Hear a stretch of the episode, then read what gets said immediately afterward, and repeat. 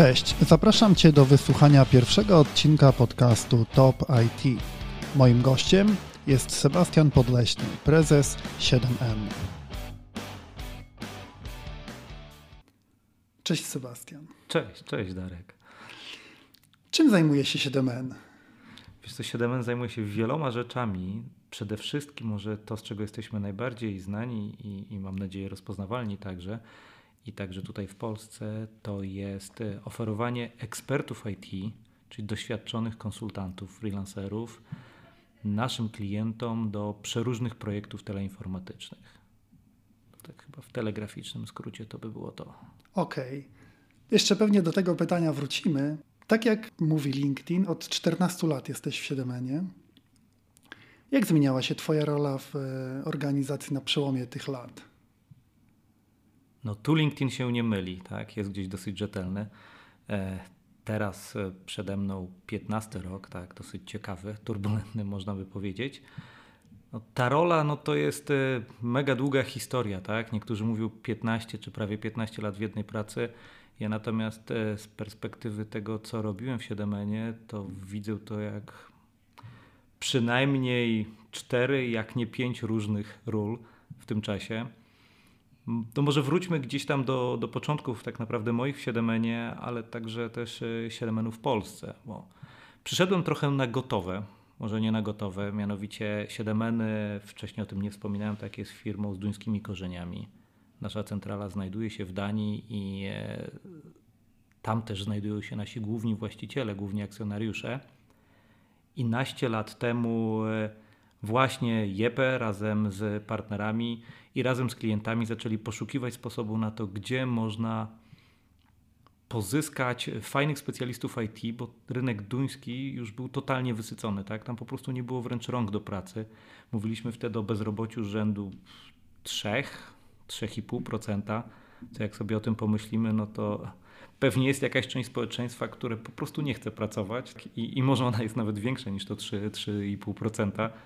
I, no, no i wtedy, wtedy zaczęły się poszukiwania. Razem z kilkoma klientami e, JP pojawił się tutaj w Polsce, tak? Były uruchomione takie mm, projekty pilotażowe właśnie w Warszawie. To były nieduże trzy projekty, które zbudowały de facto trzy zespoły pięcioosobowe, które miały pomagać duńskim kolegom w rozwoju poszczególnych e, systemów, aplikacji i i to był taki pilot, zobaczymy uda się, nie uda się, może tu będziemy, może nie, wynajmiemy tymczasowe biuro, zobaczymy jak to wszystko się będzie zachowywał. I podobny eksperyment także 7N wtedy uruchomiło w Indiach. Po pół roku działania tego eksperymentu w Polsce okazało się, że okej, okay, Warszawa i w ogóle Polska jest fajnym miejscem, Polacy to są fajni ludzie i jest y, dosyć dobra kompatybilność kulturowa pomiędzy jednymi tak, i drugimi, czyli tymi kolegami w Danii. I wtedy zaproszono mnie do Siedemenu, żebym stał się menedżerem tutaj oddziału i menedżerem budowy centrum kompetencyjnego, którego głównym zadaniem będzie rekrutowanie fajnych specjalistów w Polsce i włączanie ich w te nasze duńskie projekty. Dla mnie to był taki start, tak? Pamiętam jak z Jepem rozmawiałem, to powiedziałem mu o tym, że ten element mojej odpowiedzialności jest fajny z tego powodu, że spodobała mi się kultura firmy, to w jaki sposób poszukiwaliśmy ludzi, o tym pewnie gdzieś tam później trochę porozmawiamy. I e, w jaki sposób e, oferujemy nasze usługi klientom i, jakie są te główne wartości tak, firmy, jaka jest ta główna filozofia firmy. Natomiast już od początku wiedziałem, że to, co zobaczyłem, tak, ten format działania, ten e, format służenia i klientom, i konsultantom jest czymś, co ja bym chciał, żeby miało miejsce tutaj w Polsce, jak w moim domu de facto, tak, w, szczególnie w Warszawie, tak, bo jestem warszawiakiem gdzieś i, i, i pomyślałem, że okej, okay, to jest na pewno i gro klientów, i gro osób, które chciałyby w takim modelu właśnie funkcjonować, ale na rynku polskim, tak, czyli dla polskich firm, dla polskich klientów, może międzynarodowych firm w Polsce i no i zaczęliśmy tą podróż. Zaczęliśmy tą podróż, ustawiliśmy sobie troszkę większą ambicję niż tylko programiści, którzy będą włączeni w międzynarodowe projekty, tylko zaczęliśmy budować e, tutaj markę 7N w Polsce. Uważam, że nam się udało. Uważam, że rynek przyjął także tą naszą ofertę. i ofertę w postaci właśnie tej komercyjnej oferty, czyli w jaki sposób rozliczamy się i z konsultantami, i z naszymi klientami, ale tak wydaje mi się bardziej, że tą kulturę pracy, ten e, sposób budowania relacji pomiędzy wszystkimi trzema stronami, tak, które, które 7 sobie przyjęło. No i to było moich pierwszych kilka lat. Wspomniałeś tutaj o tej specyfice współpracy z konsultantami i z partnerami. Czy masz na myśli też tą jawność, stawki za godzinę, którą otrzymują konsultanci? To nie było w Polsce jeszcze kilka lat temu modne. Teraz część firm y, już to robi, ale kiedyś chyba tylko wy byliście na rynku firmą, która, która mm, jawnie mówiła, e, jakie są stawki. Wiesz co, to był taki jeden z elementów, tak? Bo, bo ja wcześniej pracowałem w dużym konsultingu, tak, gdzie wiadomo, te projekty były mega ambitne, mega fajne, także też ta ścieżka edukacji i rozwoju osobistego była bardzo stroma, tak, i, i dużo się nauczyłem i mam bardzo dużo także i emocji, relacji e, i relacji koleżeńskich i zawodowych, także z moimi kolegami, koleżankami e, z tamtego czasu, tak, z tych, z tych lat przed 7N. Natomiast to, co zauważyłem w 7N, to jest właśnie taki układ typowo partnerski i e, to nie jest układ pracownik-pracodawca, tylko de facto stałem się takim trochę impresariuszem najlepszych ekspertów. A skąd to się wzięło? To się wzięło z tej duńskiej kultury? Czy to jest y, pomysł na firmę? Wiesz co, tak, tak naprawdę to e, z jednej strony jest tam dosyć e, dużo właśnie tego duńskiego stylu bycia, czyli jawność, tak, taka otwartość jest e, czymś, co, co w krajach w ogóle skandynawskich, nie tylko w Danii, tak, mówimy o Danii, Szwecji, Norwegii, tak, to są, to są takie mm, elementy kultury kultury krajowej wręcz, tak, czy, czy, czy, czy samego sposobu i wychowywania i bycia ludzi tam, tak, czyli, czyli bycie takim otwartym, jawnym, przejrzystym, szczerym, jednocześnie zawsze uprzejmym też, tak? bo, bo szczerość można w różny sposób wyrażać i to pewnie też, też sporo osób z nas e, doświadczyło tej nieuprzejmej szczerości. Nadal szczerości, tak, nadal prawdy, ale, ale nieuprzejmej. Natomiast e, w tych kulturach skandynawskich e, zawsze szczerość się ceni. Natomiast to, co jest ważne, ceni się także bardzo uprzejmość i szacunek do drugiego człowieka, tak? Bez względu na to, czy on ma rację, czy nie ma racji, czy nam się wydaje, że jest w błędzie, tak? Czy robi źle nadal każdy ma prawo do szacunku. Nadal e, my nie jesteśmy tymi, którzy decydują, kto ma prawo do szacunku, a kto nie. No i właśnie i połączenie tego i takiego właśnie modelu impresariatu trochę, który zresztą wcale nie jest e, modelem, który został wynaleziony w Skandynawii, tak? bo, bo ten model impresariatu nam osobiście najbardziej w firmie kojarzył się z tym, my chcieliśmy robić to samo dla super ekspertów IT, dla super inżynierów, dla super programistów, dla super project managerów, co uzyskują super sportowcy czy super aktorzy. Każdy aktor, każdy sportowiec, który jest gdzieś na piedestale, nie wiem, gra czy w pierwszej lidze, w Champions League, tak, czy w NBA, czy w NHL, czy występuje w hollywoodzkich produkcjach, tak, czy w najnowszych produkcjach na platformach streamingowych, tak, ma gdzieś swoje obecne zadanie, czyli skupia się na projekcie, teraz nagrywam, teraz jestem psychopatycznym mordercą, tak? E, teraz jestem, e, nie wiem, e, głównym obrońcą w Bayern Monachium, załóżmy. I, I skupia się na tym zadaniu, natomiast musi też mieć wsparcie w tym, co dalej. I tym wsparciem są właśnie agenci, tak? Czyli agent zajmuje się tym, żeby po jednym kontrakcie był kolejny. Może być w tym samym miejscu, może być w tej samej drużynie, aby ten kontrakt był fair play najlepszy dla sportowca, jak tylko można uzyskać, tak? I także wiadomo optymalny też dla tego kupującego, czy dla klubu, czy dla studia nagrań, tak? Czy dla reżysera, który chce mieć akurat tego aktora w swojej roli, tak? I, i to wymaga impresariusza, to wymaga kogoś, kto będzie w trakcie, kiedy dana osoba zajmuje się swoją rzeczywistą pracą, myślał o tym, jaka będzie ta kolejna praca, tak? Czyli taki typowy impresariat. I wzorując się właśnie na tych agencjach, agencjach sportowców i e, agencjach gwiazd, tak? Doszliśmy do wniosku, że przecież tak naprawdę, już wtedy o tym mówiliśmy głośno, tak, że IT jest zawodem przyszłości i dobrzy specjaliści będą rozchwytywani. I super, cieszmy się tym, tak? E, działamy akurat w tej branży, tak? Ty Darek także działasz w tej branży, więc e, sam wiesz jak jest, tak? Nie, nie rozmawiamy tutaj o aktorstwie i o Dokładnie, sporcie, tak, tak gdzieś tam trochę na chwilę odpłynęliśmy, tak? Ale wiemy, że zapotrzebowanie na super ekspertów jest.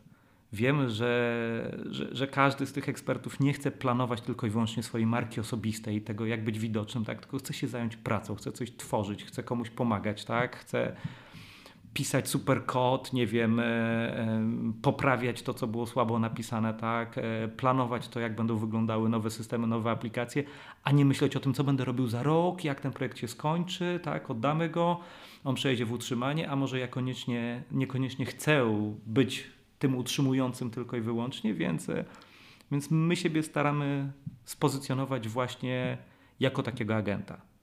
Ja wiem, że często to się też kojarzy z tym takim outsourcingiem, tak, o którym my bardzo często słyszymy, tak? czyli ktoś trafia do agencji rekrutacyjnej, ona gdzieś go kontraktuje, o nim zapomina i my na taki model mówimy deploy and forget, tak? czyli ok, znalazłem człowieka, znalazłem kontrakt, połączyłem kropki, mam z tego tytułu prowizję, zapominam. My w 7 podchodzimy do tego właśnie jako impresariusz, czyli my chcemy być, my chcielibyśmy być agentem, opiekunem i konsultanta, a jednocześnie pomocą dla klienta, tak naprawdę od pewnego etapu swojej kariery zawodowej najchętniej do emerytury takiego człowieka. Tak? Okay, no brzmi, to, brzmi to niesamowicie. Y, ja jestem oczywiście też w tym biznesie od, od, od lat. Już pe, pełnoletni jestem, jeżeli chodzi o, o, o ilość lat spędzonych w IT, w szczególności w, program, w tym y, temacie programistycznym. Więc troszeczkę, troszeczkę jakby mam też obraz tego. Dobrze się trzymasz i nie wyglądasz na pełnoletność zawodową. Dziękuję, dziękuję bardzo. Powiedz mi, jak w takim razie zmieniało się samo 7N przez te lata? Od kiedy zaczynałeś tutaj w Polsce y, budować firmę do teraz? Jakie były wyzwania wtedy, a jakie są teraz? Hu, to jest pytanie. Wiesz co, ja, zacznijmy od tego, że e, na pytanie, jakie były wyzwania wtedy i teraz, to chyba każdy może powiedzieć, że jeszcze rok temu to było wtedy, a teraz jest teraz, tak? Nowa rzeczywistość, ale pójdźmy trochę, trochę, trochę dalej, tak? Sięgnijmy gdzieś tej historii, tak? Może to nie jest średniowiecze jeszcze, tak? Ale przynajmniej początki Siedemenu. Wiesz co, taką najciekawszą rzeczą, która się wydarzyła, moim zdaniem najbardziej rewolucyjną, e, to jest ta przestrzeń, w której jesteśmy teraz pewnie, czyli wszyscy, którzy nas słuchają gdzieś w tej przestrzeni są, tak, czyli pojawiły się social media i pojawił się internet w takim wykonaniu, jak jest teraz, czy powstał, czy powstał, czy wyrósł kilka lat temu w stosunku do tego, co było przed laty, laty, laty. Tak może gdzieś cofając się do historii, rozmawialiśmy o, o, o tych gwiazdach i o sportowcach, tak? Te top nazwiska wszyscy znają tak, pana Lewandowskiego, tak, nie wiem, załóżmy, nie Sylwestra Stallone i tym podobne osoby, tak, my wszyscy znamy, tak, i to jest ta książka adresowa, że okay, każdy mógłby być agentem takiej osoby, natomiast jest e, całe multum, było też całe multum specjalistów, które po prostu było nieznane, tak, było bardzo ciężko dojść do pracownika i e, znaleźć tego pracownika, więc e, po pierwsze klienci ufali nam, w tym, że zakładali, że my wiemy, czy my wiemy, gdzie szukać ludzi i jak szukać tych ludzi, bo, bo nie widać, gdzie ci ludzie są. Tak? Ta wiedza nie była ogólnie dostępna. O rynku, o specjalistach, gdzie oni są. Z drugiej strony e, też sam proces pozyskiwania ekspertów był e, skrajnie inny niż jest teraz. Tak? Teraz jest bardzo mocno zdemokratyzowany. Wtedy to był proces, który polegał przede wszystkim na budowaniu więzi, relacji tak? i pączkowaniu tych relacji. Czyli dojście do każdego kolejnego super eksperta polegało na tym, że znamy już jakichś ekspertów, ktoś z nami pracuje i dzięki nim, ich wiedzy, ich e, kontaktom, ich sieci, tak, byliśmy w stanie budować e, to nasze zaplecze ekspertów, które mogliśmy zaoferować naszym klientom, jednocześnie tym osobom pokazując różne projekty. No i tu nastąpił przełom, tak? Pewnie część z osób słuchających nas teraz pamięta chociażby taką rzecz jak e, Gazeta Praca. Dodatek Gazeta Praca, tak? który definiował to, jak wygląda rynek pracy. Firmy zamieszczały tam ogłoszenia, mając nadzieję, że ktoś tę gazetę kupi. Kto ją kupował? Kto kupował gazetę w poniedziałek? Kupowały to osoby, które chciały zmienić pracę, a nie te, które my chcieliśmy pozyskać. Więc to już było pierwsze wyzwanie, jak tutaj zaistnieć, tak? I jak funkcjonować.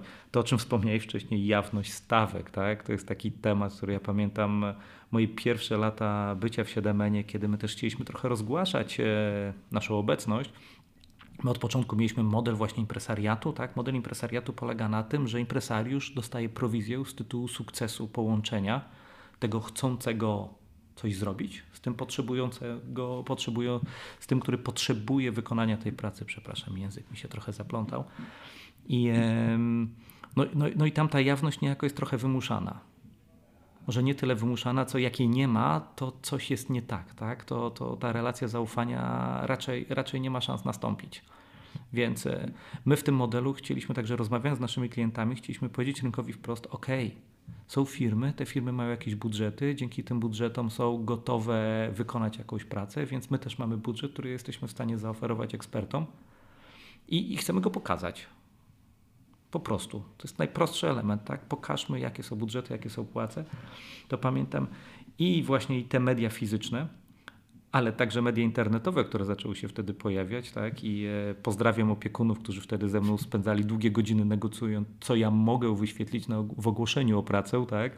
Pewnie dobrze to pamiętają i tłumacząc mi, że ja nie mogę pokazać, jak ja mam budżet płacowy, ja tłumaczyłem, że ja i tak to pokażę, bo nie, nie ma powodu, żeby to było tajemnicą. Bardzo tutaj e, długo walczyliśmy, tak? I zaciekle walczyliśmy z tym, żeby ta jawność na rynku polskim się pojawiła. I e, no i ona się z czasem pojawiła, tak jak mówisz, teraz jest jej więcej. Tak? Teraz firmy rozumieją to, że, że ten element komercyjny, czy, czyli mm, w świecie, w gospodarce monetarnej, w której my żyjemy, czy byśmy chcieli, czy nie, płaca, czyli ten element czy stawki, czy płacy, czy tego budżetu rodzinnego, dzięki któremu mamy i przyjemności, ale także spełniamy potrzeby bazowe, tak? Nie wiem, jemy, pijemy, mamy gdzie mieszkać, mamy w co się ubrać, tak? Jak jest zima, mamy kurtkę, jak jest lato, mamy klapki. To są pewne potrzeby bazowe i bez tej monetarnej, e, składowej pracy ich nie osiągniemy, więc one są niejako ważne. I, e, każdy z nas pewnie może się spojrzeć w lustro i powie: Tak, świetnie, super projekt, ale jak przez ten projekt ja nie będę w stanie spłacić mojego kredytu, czy spowodować to, żeby moje dzieci były szczęśliwe, tak, czy moja druga połowa była szczęśliwa, to to jest bez sensu. To równanie nie istnieje. Tam jest gdzieś mnożenie przez zero, które zabija, zabija całe równanie. Więc y, patrząc się na to, my cały czas optowaliśmy w to, że odsuńmy ten element tabu, zdejmijmy go po prostu z dyskusji. Powiedzmy, jakie są płace, jakie są stawki. Jeśli, jeśli ten element monetarny się zgadza, to wtedy strony zaczną rozmawiać o tym, co jest rzeczywiście ważne, co jest esencją. Dopóki on się nie zgadza, to ta rozmowa, przynajmniej, przynajmniej z mojej perspektywy, nie ma sensu. No i te media różne się broniły bardzo mocno przed tym, bardzo się tego obawiały. Szczególnie obawiały się, ja zakładam, że to nie była ich obawa przed tym, żeby to zrobić, tylko my byliśmy nie jedynym klientem tych, e, tych właśnie wtedy, wtedy różnych mediów i, i może inni klienci po prostu tego nie publikowali, więc prościej było założyć, że eh, istnieje zwyczaj, że nie publikujemy, to nie publikujemy. To jest tak jak z każdą zmianą. Tak? Kiedy zmianę się wprowadza, to nagle jest opór przed tym, żeby ją wprowadzić a często zwyczaje, zwyczaje są rzeczami, które po prostu są, niekoniecznie są optymalne. Tak jak z tym żartem o kiełbasce ucinanej z obu stron, tak, przez prababcie. Dokładnie. Można sobie poszukać w Google, na pewno się znajdzie ten żart. Więc no, mocno promowaliśmy ten, ten taki model otwarty. Też posiłkowaliśmy się tym, że jak spojrzymy się na ja sądzę, dosyć bardziej ekonomicznie zaawansowane gospodarki anglosaskie szczególnie, tak? czy Wielka Brytania, czy gdzieś Stany Zjednoczone, tam rozmowa, rozmowa o finansach nie jest tabu. Rozmowa o finansach jest jednym z elementów, który się po prostu pragmatycznie przeprowadza. Uważam, że w Polsce już y, także przez tych naście lat to się zmieniło, że ta rozmowa o finansach nie jest czymś, co ma budzić emocje, co ma utwardzać strony w swoim stanowisku, tylko jest bardzo często też tą rozmową otwierającą, ok, ja mam takie oczekiwania, jeśli chodzi o moje finanse, tak? Druga strona może mieć opinię, czy one są wysokie, niskie, adekwatne, atrakcyjne, czy nie, tak? Znów, e, jeśli druga strona ma odpowiedni budżet, to wtedy strony zaczynają rozmawiać o tym, co rzeczywiście jest do zrobienia i czy my do siebie tak naprawdę pasujemy w tych pozostałych elementach, które już powinny bardziej ta rozmowa chyba wtedy jest dopiero partnerska.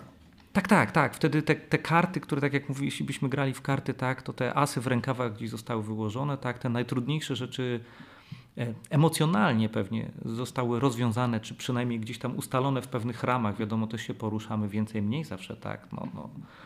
Mm, my nie jesteśmy równi i nie jesteśmy równie atrakcyjni dla drugiej strony, tak? Zależy, co, co się analizuje, tak? Więc e, to też dziś jest istotne, ale, ale tak, to się wydarzyło. Jestem bardzo szczęśliwy, e, że to się tak wydarzyło, bo to, to zdemokratyzowało rynek Oczywiście też włączyło troszkę presję na rynku, tak? Też wyrównało e, trochę, e, tak przynajmniej w mojej perspektywie, płace w różnych przedsiębiorstwach, czyli pewnie też gdzieś były firmy, które z tego powodu straciły swoją rentowność, czy, czy, wysok, czy wysoki próg może tej rentowności, w związku z tym, że musiały dopasować swoje płace do innych ja miałem poczucie, że z czasem ten rynek się także ustabilizuje, tak? Czyli po prostu jak te płace się gdzieś wyrównają, to ludzie rzeczywiście będą zmieniać pracę tylko i wyłącznie z powodu tego, że chcą zrobić coś innego merytorycznie. Po prostu potrzebują nowej misji w życiu, a nie kolejnej podwyżki, tak? E, żeby zaspokoić swoje potrzeby komercyjne.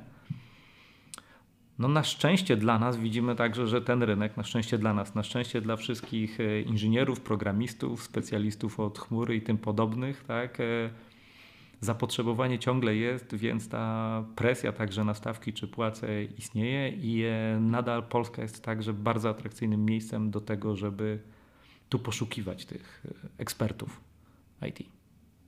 Super, a jest jakaś, jakaś rzecz, zrobiłbyś coś inaczej, coś, co dotyczy firmy, mając tą wiedzę, którą masz teraz, na samym początku, jak zaczynałeś, zaczynałeś tworzyć 7N w Polsce? A, ostrzegałeś mnie przed tym pytaniem. Wiedziałem, że ono się pojawi. Wiesz co, jest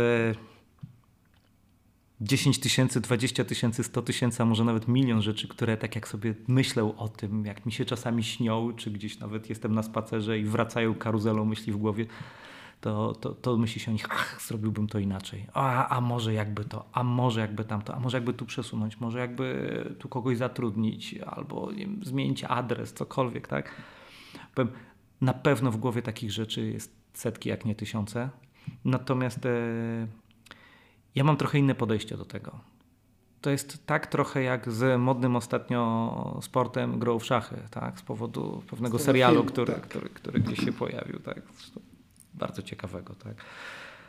Też gdzieś oglądałem, też gdzieś oglądałem, ale taki jest jeden element analizy wstecznej. Tak? E, wykonanie ruchu, czy wykonanie decyzji, podjęcie decyzji jest zawsze kontekstowe. Tak? Człowiek znajduje się w danym kontekście, prognozuje także dany, dany, dany wpływ tej decyzji na, na kolejny kontekst, który się pojawi i ją po prostu wykonuje.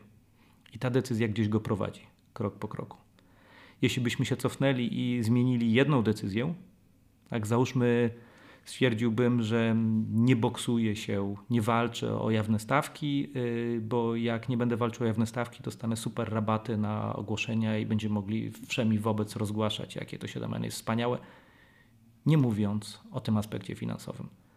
Pewnie uzyskałbym dużo większą widoczność, ale może nie uzyskałbym tego, co jest clue naszej firmy, tak? czyli tą naszą transparentność, nie pokazałbym tego partnerskiego podejścia, więc tak, z chęcią bym chciał spróbować innych ścieżek, natomiast nie wiem, czy one by doprowadziły do tego, że teraz jesteśmy tu, gdzie jesteśmy, więc e, to pozostaje w kwestii chęci. E, nie jestem nieomylną osobą, na pewno było, była nie jedna decyzja, na pewno, ja wiem, ja mam je w głowie, tak?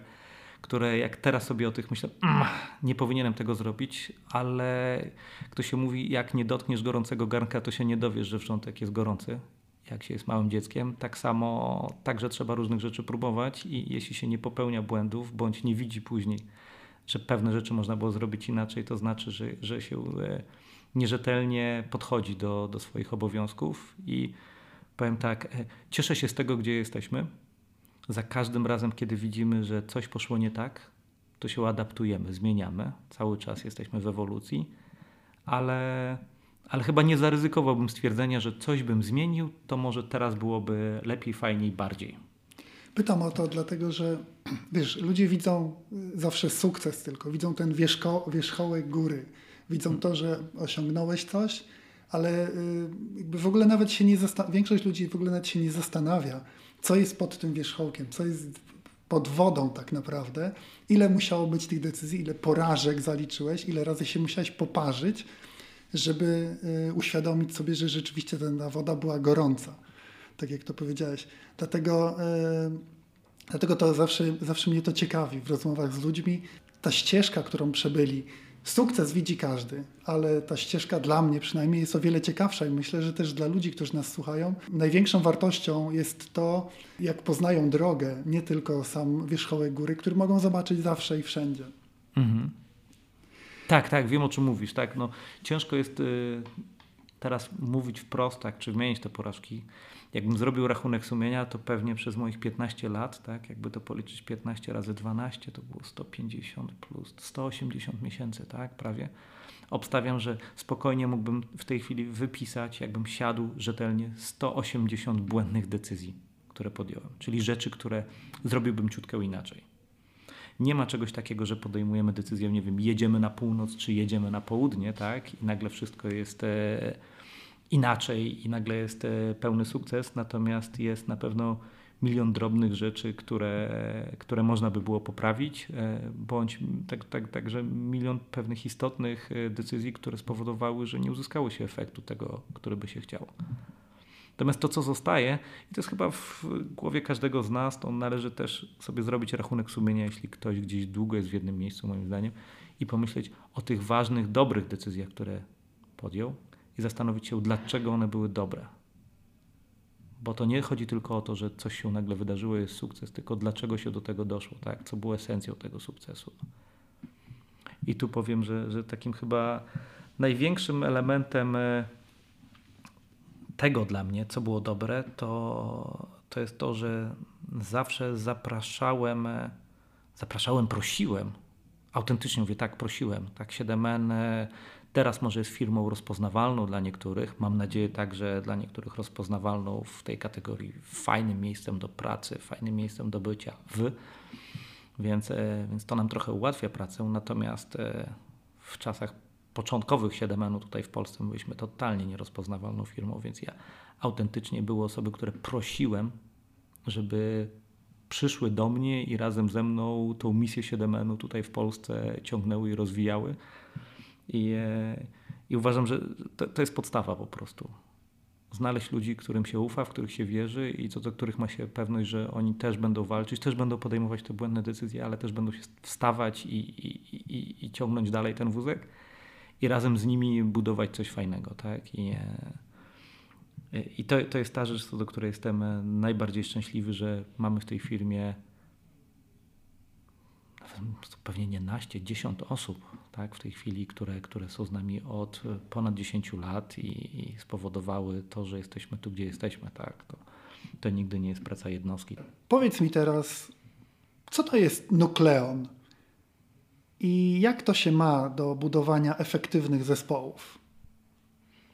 Fajnie, że poruszasz ten temat. Wiesz, że mm, kilka lat temu e, to, to, wymaga historii, wymaga też kontekstu, tak, żeby, żeby o nukleonie powiedzieć.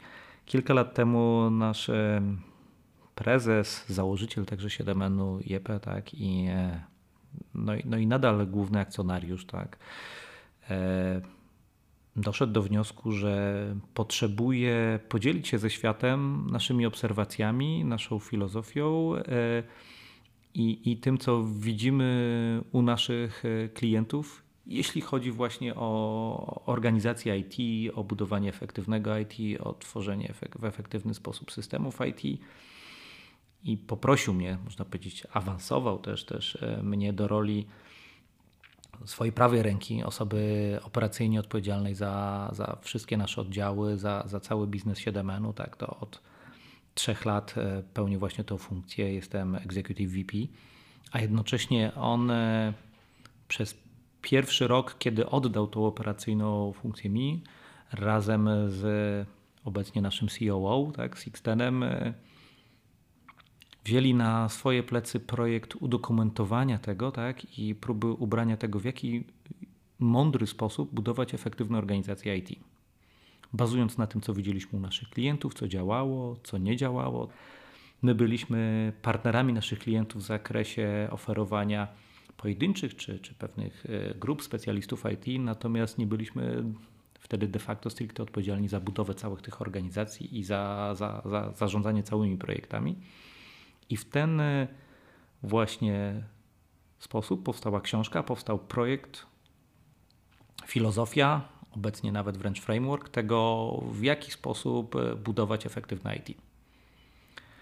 Dużo się o tym mówi na różnych poziomach. Mówi się o architekturze, mówi się o doborze narzędzi, mówi się o metodykach pracy zwinnych, tradycyjnych, innych, tak? E, I, i, I, tu już wiemy, że, że w, zakresie, w zakresie tych działań jest e, bardzo dużo i literatury, i podręczników.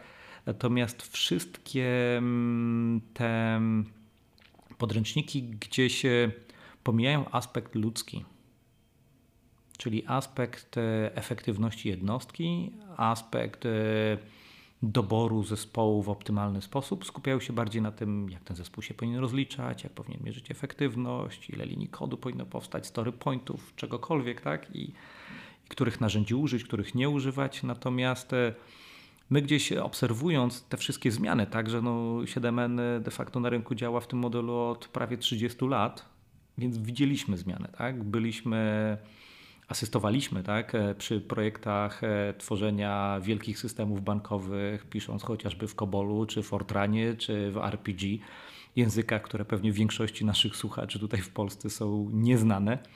Tak, one są, one egzystują. Systemy napisane przy użyciu edytora VI do tej pory funkcjonują, obsługują nasze konta bankowe, obsługują nasze emerytury, tak? są odpowiedzialne za billingi naszych telefonów, tylko sobie z tego już nie zdajemy sprawy, bo my widzimy ten świat cyfrowy, fajny, mobilny tak, i, i internetowy, ale gdzieś tam w tle ciągle te bestie, które przeliczają miliony transakcji e, są.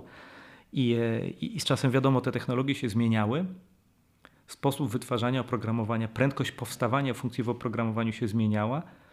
Natomiast bolączki tego, czy zespoły są stabilne, czy one są rzeczywiście efektywne, jak one ze sobą działają, e, ciągle gdzieś była. I, i, i my gdzieś wzięliśmy na, swój, na, na, na, na, na swoją e, odpowiedzialność taką próbę poszukania tego, czy, czy, czy wokół tych obszarów jest e, jakaś metodyka, czy jest jakaś wiedza, która mogłaby pomóc e, i tym decydentom IT oraz także samym zespołom zastanowić się nad tym, jak funkcjonują.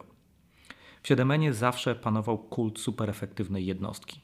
My zawsze stawialiśmy, zresztą o tym mówimy, o, o, o top 3%, na top 3% specjalistów i zawsze wierzyliśmy, że e, są osoby, które są w stanie wykonać 10 razy więcej niż inne. To jest podobnie jak ze sportowcami, podobnie jak z aktorami, tak, że pewne wydarzenia sportowe bez jednostki nie wydarzą się tak, jak się mogą wydarzyć. Też wierzymy w to, że ta jednostka też nie jest autonomiczna. Tak? Jeśli dzisiaj wpuścimy wszystkim nam pewnie dobrze znanego pana Roberta na boisko samego, to on przegra. On potrzebuje zespołu. Ale z drugiej strony, jeśli jego zespół będzie niekompatybilny z nim, tak, czyli zapewnimy mu super zmotywowanych, pewnie wspaniałych ludzi, którzy normalnie grają w trzeciej lidze e, w polskiej piłki nożnej, to on razem z takim zespołem też nie będzie w stanie pokonać innego mocnego zespołu. Podobnie ma się z projektami, tak, że należy mądrze budować e, zespoły, budować zespoły wokół e, jednostek, wokół super doświadczonych oraz super efektywnych osób. Z drugiej strony należy też pamiętać o aspekcie, który bardzo często jest pomijany. Mówimy o aspekcie wiedzy technicznej, doświadczenia, efektywności technicznej. Natomiast drugim aspektem jest jeszcze aspekt dopasowania psychologicznego, dopasowania preferencji, zachowań członków zespołu w zależności od ich ról oraz także w zależności od samego zespołu. I ta wiedza razem z doświadczeniem technicznym, z zaufaniem, tak, buduje ten nasz format Nukleon. Czyli w zakresie Nukleona my jesteśmy w stanie tak naprawdę w tej chwili przeanalizować zespół, grupę zespołów, całą organizację IT i pokazać tej organizacji, e, które, powiem teraz z angielskiego, lubią to słowo akurat i dlatego użyję angielskiego. W ogóle przepraszam Cię Darek, jeśli będę miał dużo wtrąceń anglojęzycznych, ale moja praca to jest 80% odbywa się właśnie w języku angielskim obecnie. Więc e, jak mamy te super teamy, które funkcjonują, a gdzieś inne, które sobie rady nie dają, to właśnie ten nasz, nasza metodyka nukleonowa pozwala wychwycić te miejsca, oraz także sugeruje, w jaki sposób je naprawić. Bo ja osobiście uważam, że każdy jest mistrzem w czymś. Tylko czasami jesteśmy asygnowani do roli, w której nie jesteśmy w stanie być mistrzem. Czyli trzeba znaleźć tą rolę, w której każdy będzie mistrzem. Podobnie ma się to w organizacjach IT. Czasami mamy super jednostki, które przeniesione do innego zespołu, tak, osoby, które w innym zespole, pomimo tego, że wykonują tą samą pracę, nagle nie funkcjonują. Może to być kwestia wyboru technologii, wątpię, bo pewnie działają w obszarze podobnych technologii, tak? Może się frameworki zmieniają, zakładam, że każdy super inżynier w stanie bardzo szybko się nauczyć nowego frameworku. Tak? Może być ekspertem w jednym, może znać jego wszystkie zalety, wady, problemy, pułapki. Tak? To nic nie jest idealne w tym świecie. Natomiast e, bardzo często jest tak, że, że te jednostki nie funkcjonują, bo coś nie pasuje innego w zespole, coś, co jest tą warstwą niewypowiedzianą. I ten nasz nukleon pomaga te elementy znaleźć oraz także pomaga znaleźć elementy organizacyjne, które mogą także nie działać. To jest takim ciekawym może przykładem gdzieś, bo pływamy w murach, ja wiem, no to jest też podcast, tak, tu nie da się nic narysować, pokazać, tak, a mi aż ręce mnie świeżbią, żeby wziąć długopis i zacząć rysować, tak, na kartce, na tablicy, mhm. gdziekolwiek, byle nie na ścianie, to moje dziecko ostatnio flamastrem popełniło, więc sobie darujmy to, to nie jest fajne doświadczenie. Natomiast to, co, to, co my jesteśmy w stanie właśnie w zakresie, w zakresie, w zakresie tego, tego, tego formatu nukleonowego znaleźć, to znaleźć także pewne aspekty organizacyjne, które mogą wpłynąć e, na to, czy zespół dany działa dobrze, czy nie. Czyli sięgamy jednostki, to o czym mówiliśmy, czyli efektywność każdej jednostki, każdego członka zespołu. Czy on wie, co robi, czy zna się na tym, czy ma odpowiednią wiedzę, czy ma także odpowiednie atrybuty interpersonalne do, do tej roli, które także możemy zbudować, jakie być powinny dla każdej roli. Z drugiej strony mamy dopasowanie zespołu w samym zespole, tak? czyli czy członkowie zespołu się rozumieją, ufają sobie w jakiś sposób, tak? czy ich zachowania, preferowane zachowania, nie mówimy tutaj o zachowaniach, które są wykonywane, bo każdy z nas się adaptuje do pracy, czyli adaptuje się do wymagań mu stawianych. Czym adaptacja jest mniejsza, tym lepiej wykonamy swoją pracę, bo tym bardziej naturalni w niej jesteśmy. Jeśli adaptacja jest zbyt duża, to idzie nam to pod górę i każdy poniedziałek jest przekleństwem. Ja lubię poniedziałki osobiście. Jakoś na razie czuję się w miarę zaadaptowany do mojej pracy, ale pewnie bardziej zapytać się o mój zespół, czy oni lubią poniedziałki, by wypadało w tym zakresie. Natomiast e, to jest jakby kolejny, kolejna warstwa, którą badamy oraz e, następna warstwa, którą gdzieś też bardzo mocno analizujemy w ramach właśnie tego, tego frameworku Nucleon, znowu angielski, tak już będzie, to, e, to jest warstwa organizacyjna. Takim jednym z ciekawych elementów jest, e, jest chociażby to, pewnie gdzieś zakończymy zagłębienie się no, w nukleona na tym etapie, jest odległość decyzyjna. Powiedz mi, a czy y, sam nukleon sam w sobie pozwala też znaleźć takiego idealnego konsultanta i dopasować go do idealnego projektu? Czy Wiesz co, moim zdaniem e, nie ma idealnego konsultanta i nie ma idealnego projektu. To jest pierwsza rzecz. Natomiast w to, co my wierzymy, nukleon, zastosowanie tej metodyki nukleonowej, którą zresztą my sami stosujemy, tak, czyli przyjmujemy lekarstwo u siebie. Tak, zaczęliśmy je przyjmować e, w bardzo piękne słowo, sformalizowany sposób, kiedy powstała książka. Czyli napisaliśmy książkę, którą sami przeczytaliśmy, poprosiliśmy naszą organizację, żeby przeczytała, skonfrontowaliśmy ze sobą i powiedzieliśmy: Wow, my mamy dziury. My sami możemy być lepsi poprzez to, co poukładaliśmy teoretycznie, zaimplementowanie tego fizycznie, tak? także w 7 Więc Nukleon na pewno e, bardzo pomaga dopasować. My wierzymy, że te elementy, które tam mamy, te komponenty, które tam mamy, e, Mm, analizy osoby, analizy zespołu, tak, e, dopasowania ról, dopasowania kompetencji, tak, zbudowania odpowiedniej organizacji wokół także tego, tego co jest ważne, doświadczenia członków zespołu. Tak, czyli, czyli jak, jak budujemy. Um, czy ja dobrze słyszę? Chyba słyszymy za oknami syreny. Przejechały.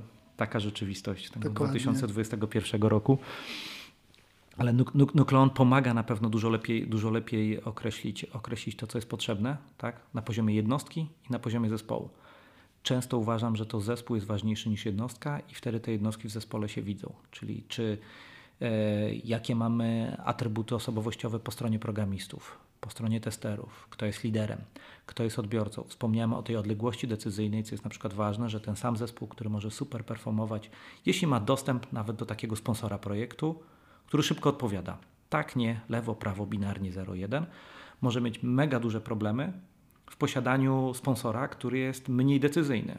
Ta odległość już jest większa i to wychodzi podczas badań, bo to nie jest stwierdzenie wtedy nie wiem, analizatora, że tak jest, tylko to wynika z kontekstu wywiadu z poszczególnymi członkami zespołu, którzy mogą wskazać to jako pewien problem czy niewygodę, tak?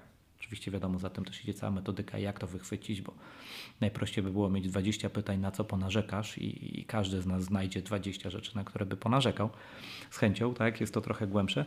Natomiast często widzimy, że są zespoły, które na przykład podpowiadają sponsorom, czyli to one bardziej prototypują i zachwycają bądź nie zachwycają tego sponsora i dobrze funkcjonują w tym, w tym trybie, a są pewne zespoły, które jak nie mają powiedziane lewo bądź prawo, to się gubią w realizacji zadań. I, i tutaj ja uważam, że, że tutaj jest e, bardzo duży obszar wiedzy oraz także pewien obszar koncentracji, który, który, który, który decydenci, szczególnie CIO, powinni także gdzieś w swojej głowie mieć, czyli myśleć o tym, ok, jak te zespoły układać i w jaki kontekst je wkładać, czyli z jakich jednostek je budować i w jaki kontekst je wkładać. Ja mam taki, taki, taką jedną rzecz, dygresja może mała tutaj. Cały świat ciągle mówi o tym, że brakuje na tym świecie programistów. Tak, brakuje inżynierów IT. Nie, niedobór miliona, pół miliona dwóch milionów. To zależy od e, medium, e, dnia, tygodnia, często temperatury na zewnątrz oraz e, sumy opadów w południowej Afryce. Tak? Przepraszam, że, że tak to trywializuję, ale, ale po prostu te liczby, te estymacje są rozstrzelone, no bo no nie wiemy, no po prostu nie wiemy. Gdzieś poruszamy się w jakiejś magicznej kwocie jedynki z sześcioma zerami, bo ona wygląda poważnie. Tak, na świecie brakuje miliona programistów. Tak? To, to jest poważne stwierdzenie, tak? To jest, można powiedzieć, no, no chyba pół Warszawy, jeśli dobrze liczą, tak? W tej chwili. Sporo.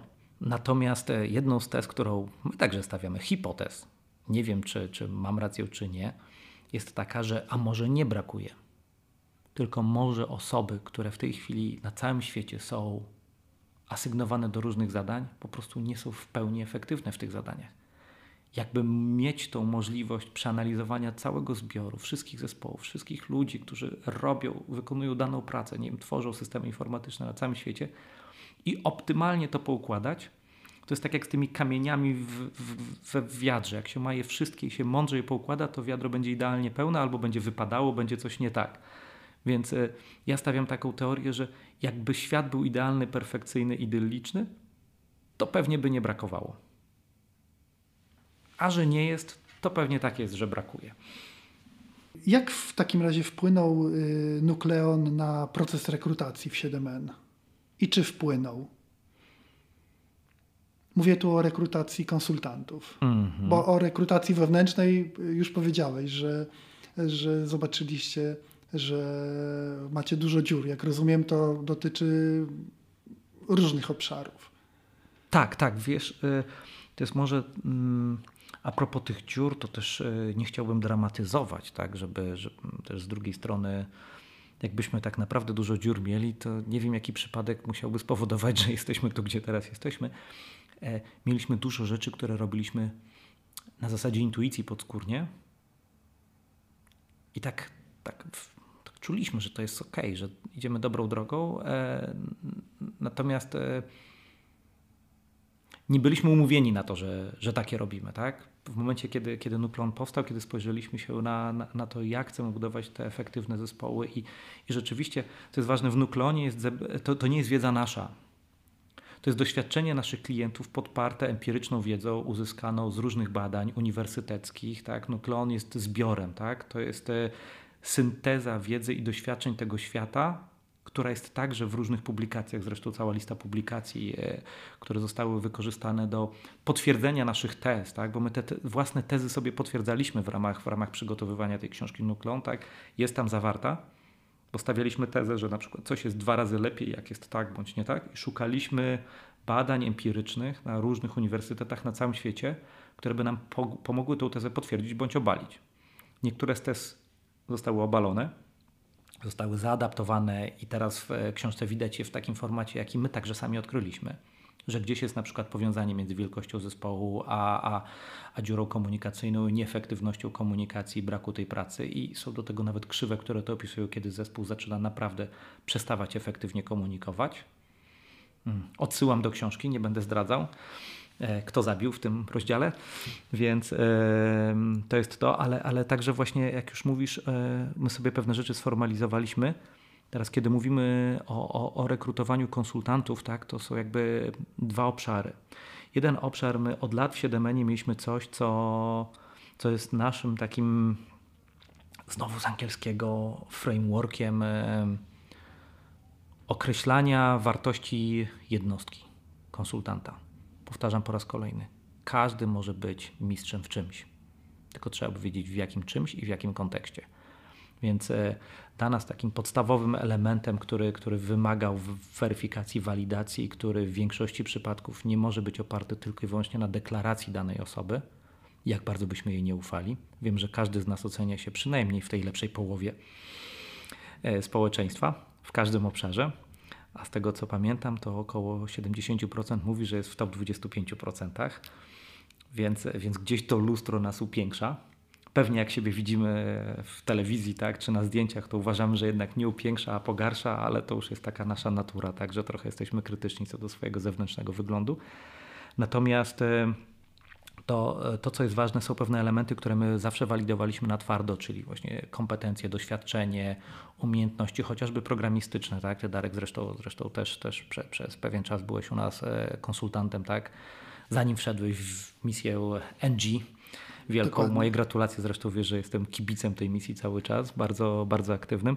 Natomiast e, mm, też e, w ramach naszego takiego frameworku, który nazywamy The Secret Code, e, my badamy pewne obszary zachowań, tak, czy pewne preferencje konsultantów. Tak? Jedni są bardziej odporni na stres, wręcz lubią pracować w sytuacjach stresogennych. Inni wolą pracować w projektach, które są bardziej poukładane. Są osoby, które lubią mieć przestrzeń, w której, tak jak już mówiłem wcześniej, muszą eksperymentować, próbować, e, popełniać błędy. Są osoby, które wolą pracować w bardziej e, mm, określonej przestrzeni, ale jednocześnie są wtedy dużo bardziej efektywne. Tak? Nie czują, że im się podcina skrzydła. Mamy gdzieś e, obszar pracy, która wymaga super mm, doświadczenia i umiejętności technicznych inne, inne projekty znów wymagają dużo większej dyplomacji, tak? czyli liczy się bardziej jak się rozmawia z klientem, a nie co klientowi się finalnie dostarczy w jakim czasie, bo klient bardzo liczy na tą ścieżkę rozmowy. Więc e, my tak naprawdę w ramach procesu rekrutacji staramy się gdzieś sprofilować każdego konsultanta. To jest jedna rzecz. I nie ma konsultantów lepszych bądź gorszych. Inaczej, jeśli ktoś kłamie, tak na przykład deklaruje, że jest ekspertem w danej dziedzinie, a my później zrewidujemy, że nie jest, przykro mi to już, to, to, to, to, to już tak jest, że my kłamstwa nie akceptujemy. Tak? My wręcz e, bardziej cenimy sobie usłyszenie od konsultanta, chciałbym robić to, ale jeszcze tego nie potrafię. Czy dopiero dotknąłem, powiem tu wprost trywialnie, jaram się tak? i chciałbym to robić dalej, ale jeszcze nie jestem ekspertem, to co w związku z tym robimy, żebyś ty, drogi konsultancie, mógł się każdym poniedziałkiem, tak jak już powiedziałem wcześniej, jarać tak? i wstawać, mówić wow, wreszcie już nie mogłem się doczekać. Tak? Więc e, o to chyba w tym wszystkim chodzi. I na podstawie tego e, dobieramy także tych klientów, gdzie konsultanci pasują.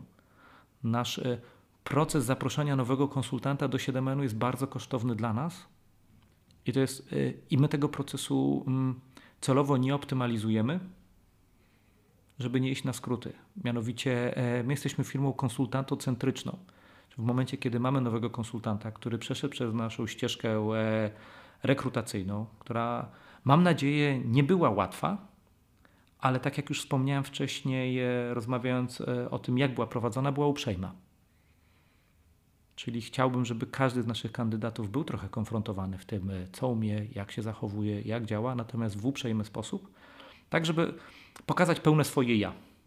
Czyli ja to jestem ja. To są moje umiejętności techniczne, to są moje preferencje zachowań, to jest moje prefer preferowane środowisko pracy. Tak. Oczywiście gdzieś też te, te finanse uczestniczą w tym wszystkim i na podstawie tego patrzymy się w portfolio naszych klientów i projektów, które mamy, tak żeby to dopasowanie było jak najlepsze. Bo my wiemy, że najlepsze dopasowanie spowoduje A szczęście u konsultanta, B szczęście u klienta, C sukces projektu, D nasze szczęście i także sukces nas. Bo kiedy bądź konsultant, bądź klient nie są szczęśliwi, no to, to my się nie sprawdziliśmy jako impresariat. To tu nie zadziało, tak?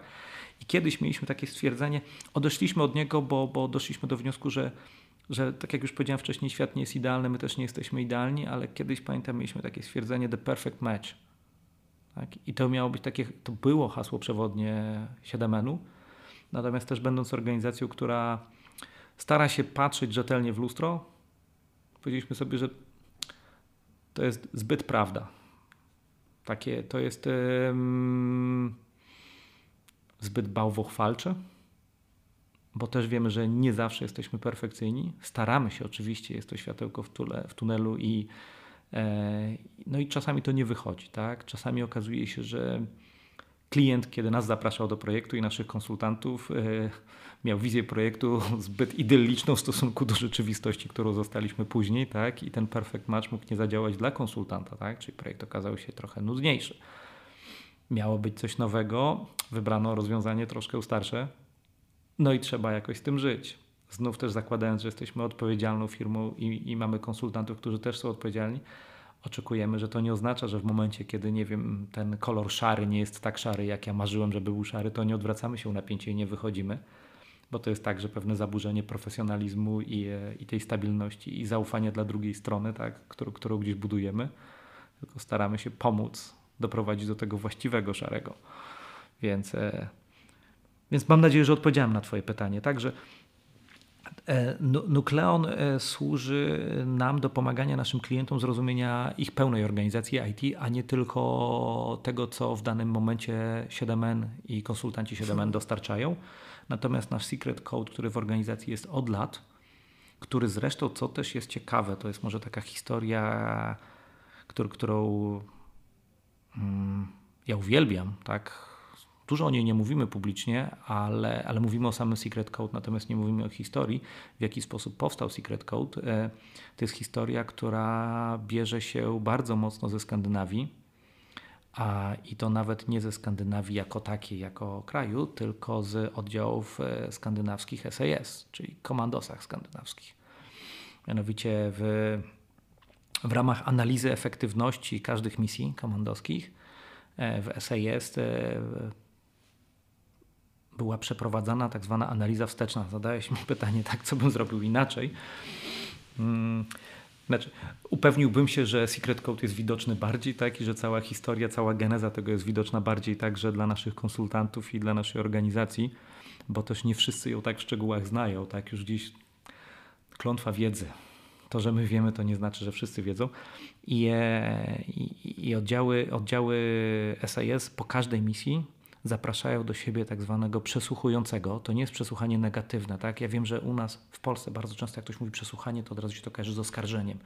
Nie, mówimy tutaj o, o, o tych lekcjach, tak? lessons learned, tak? czyli mają specjalnych e, psychologów wręcz, którzy rozmawiają z zespołem i pytają się, co było dobrze, co było źle, jak zespół działał. Zespół, mówimy tu o zespole. Nie mówimy tu o tym, czy broń dobra była, czy mieliśmy helikopter odpowiednio, tylko jak działał zespół w danym kontekście, bez względu na to, co się wydarzyło tak? Czy mieliśmy słaby research, czy, czy, czy mieliśmy dobre miejsce lądowania, czy była mgła, pogoda inna, deszcz, śnieg, nieważne.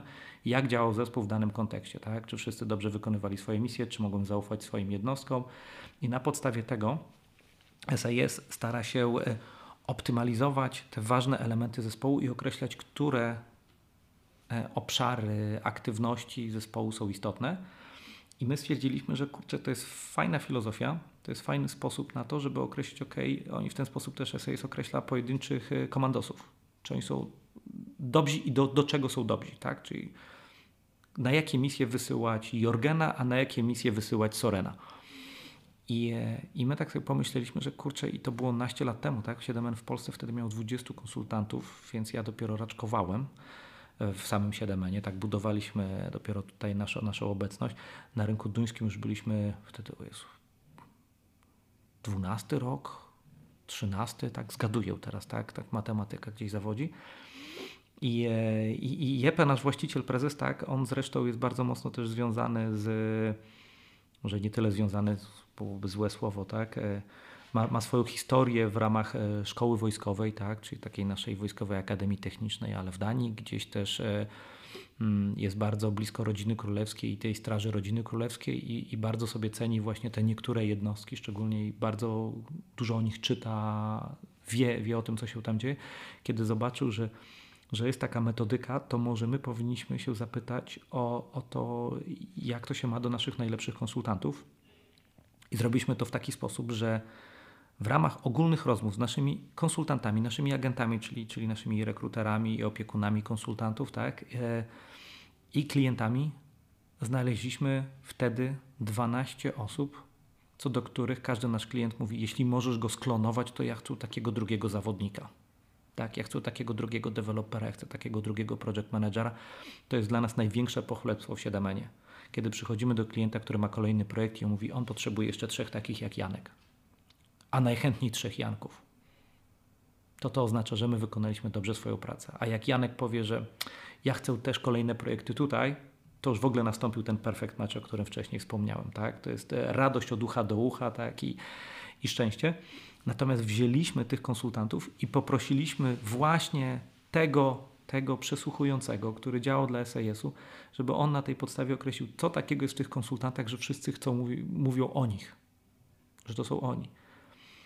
Ci przesłuchujący, ustaliliśmy to także z naszymi klientami, rozmawiali z klientami, z naszymi agentami, z rekruterami, z kolegami z zespołu tych osób, żeby namierzyć, jakie są e, cechy, które właśnie cechują tych konsultantów i, i jakie są te obszary, o których to całe ich otoczenie mówi w ich kontekście. Tak? I powstało właśnie wtedy sześć e, osi secret code'u które są, można je znaleźć na naszej stronie. Ja o nich mogę godzinami opowiadać, ale pewnie wtedy zaczniemy słyszeć, że z drugiej strony tam lekkie chrapanie się pojawia i mm, no i tak to powstało, tak? I od tamtej pory Secret Code'u używamy do tego, żeby określić atrybuty naszych konsultantów, ale właśnie też co jest ważne, to nie jest tak, że my oczekujemy, że ktoś, kto jest idealny, będzie miał na wszystkich osiach wysoko, bo te osie są, e, one nie mają punktu dobrze czy źle tak? Kiedy mówimy performance under stress, chociażby właśnie to jedno, czy performance under pressure, tak to nazywamy, to oznacza to tak, że są osoby, które w sytuacji wysokiej adrenaliny działają dobrze, ale w przypadku, kiedy tej presji nie ma, są znudzone. Tak? A znów są osoby, które działają świetnie w przypadku projektów, które trochę się toczą wolno, czyli mają cierpliwość. To nie oznacza, że jak się jest po jednej stronie osi, to jest dobrze, a po drugiej to jest źle. To jest bardziej badanie kontekstu i dopasowanie do kontekstu. I tu się okazało właśnie, że to, co wynieśliśmy z tego badania, to jest to, że my z jednej strony musimy wiedzieć, w jakich obszarach ludzie się dobrze czują, czyli gdzie oni są na tych osiach, a z drugiej strony powinniśmy być w stanie wyłuskać u klienta, które osie są istotne, czyli czy właśnie szukamy osób, które będą szły na misję komando, czy będziemy teraz bardzo precyzyjnie budować silnik do statku kosmicznego, który ma polecieć na Marsa. Tam nie ma presji, tam jest dokładność. Tak? Tam jest badanie, badanie, powtarzanie, powtarzanie, błąd, błąd, badanie, błąd, błąd. Więc, e, więc my używamy tego w 7 do określania, dopasowania konsultantów do, do projektu i projektu do konsultantów. Ilu dzisiaj jest konsultantów w 7N? Na całym świecie w tej chwili jest e, prawie półtora tysiąca konsultantów aktywnych konsultantów. Mówimy o konsultantach, którzy w tej chwili są z nami na kontrakcie. My pracujemy w. Polska jest. Gdzie się plasuje Polska? Mm, Polska plasuje się w czołówce zdecydowanej, ponieważ w tej chwili, e, no niedawno, przekroczyliśmy liczbę 900 konsultantów aktywnych na kontraktach w Polsce.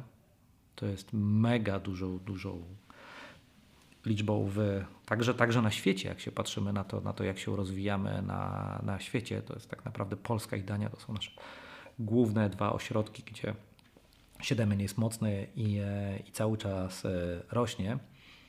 Co jest ważne tutaj, bo to ilu jest konsultantów e, w danej geografii, tak, tak to, my to tak nazywamy, tak, dla nas to są, to są geografie, to są regiony. Mm, to jest tylko kwestia wielkości tego regionu, zapotrzebowania tak, i umiejętności naszego znalezienia się na danym rynku. Natomiast e, my skalujemy firmę także ze skalą naszych konsultantów, bo, bo takim kluczowym elementem dla nas jest to, że my jesteśmy dla konsultanta i dla klienta. Tak? Jednych z trzech, z trzech filozoficznych wartości 7N jest servant mindset, czyli my chcemy obu stronom służyć. Oczywiście służyć do poziomu takiego, gdzie, gdzie nasz interes także jest zaspokojony. Tak? Tutaj, tutaj jest też ważne, fair play się liczy, natomiast służyć. Więc za każdym razem, kiedy powiększa się nasza organizacja po stronie konsultantów, to oznacza to także, że my zwiększamy naszą organizację po stronie agentów, czyli opiekunów konsultanta i klienta, tak żeby bez względu na to, czy w danej lokalizacji jest 20 konsultantów czy 200, każdy konsultant czuł, że ma tą osobę, tak, to jest ważne, nie ten interfejs, nie ten portal, nie tą apkę, tak, tylko osobę, która jest do tego, żeby się upewnić, że ten konsultant A jest szczęśliwy w obecnym e, swoim angażu zawodowym, jest szczęśliwy, My nie uciekamy od szczęścia prywatnego, także my rozumiemy, że ktoś, kto może mieć jakieś wyzwania w życiu prywatnym, niekoniecznie jest wtedy najlepszym dowozicielem na projekcie, bo jedno wpływa na drugie, drugie wpływa na pierwsze. Teraz w tych nowych czasach pandemicznych jeszcze bardziej tak, bo te światy się w ogóle zlewają tak, w jedną zupeł. Ale my zawsze mieliśmy taką filozofię, to mam nadzieję, że masz podobne, podobne doświadczenia i wspomnienia, że my byliśmy dla konsultantów i czy było nas 20 osób, czy 500 osób, czy teraz 900 osób, to każdy z naszych konsultantów miał tą osobę, która miała dla niego czas. Czas na kawę, czas na porozmawianie, na dowiedzenie się, jak jest w projekcie, na załatwienie jakichś problemów, czy projektowych, czy pomoc w jakichś problemach prywatnych także, jeśli coś było nie tak. I, po prostu była tym e, łącznikiem z 7 tak? czyli konsultant dla nas e, jest połączony z 7 oczywiście tak jako, jako z organizacją, natomiast ma ten swój e, personalny, indywidualny łącznik w postaci agenta, którego zadaniem jest opiekowanie się nad tym konsultantem, który, który jest rozliczany z tego, czy konsultant jest szczęśliwy, czy nie, więc,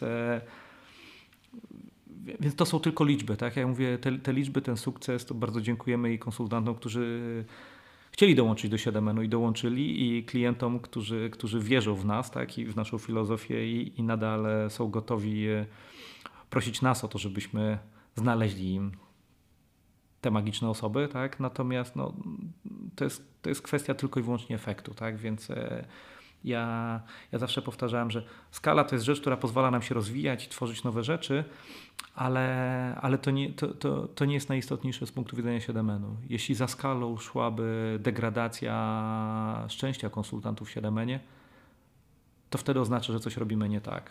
Zresztą co roku e, badamy, badamy mamy, mamy takie badanie Voice of Consultants tak, i zadajemy bardzo dużo pytań naszym konsultantom. Tak. Czasami odpowiadają nam na wszystkie, czasami są zmęczeni tymi pytaniami, naprawdę bierzemy je serio, tak? To nie chodzi o to, żeby się poklepać po plecach, tylko żeby zobaczyć, czy przypadkiem to, że gdzieś odnieśliśmy sukces komercyjny, czyli czy mamy tych klientów, którzy chcą więcej konsultantów i jesteśmy w stanie zaprosić konsultantów do 7 czy gdzieś nie cierpi na tym ta strona bycia impresariuszem dla każdego pojedynczego z nich. Opowiedz mi, y, jak patrzysz na to tak troszeczkę od góry, Mhm. Czy, czym różnią się konsultanci, którzy są w Polsce, w Danii czy w Indiach na przykład? Czy jest jakaś różnica w specyfice ich pracy, w podejściu do pracy, w podejściu do życia, życia prywatnego? Na pewno jest, no, chociażby Indie, które są no, dla nas jednak egzotyczne. Jak to, jak to jest z punktu widzenia e, Twojego, jak patrzysz na, na konsultantów?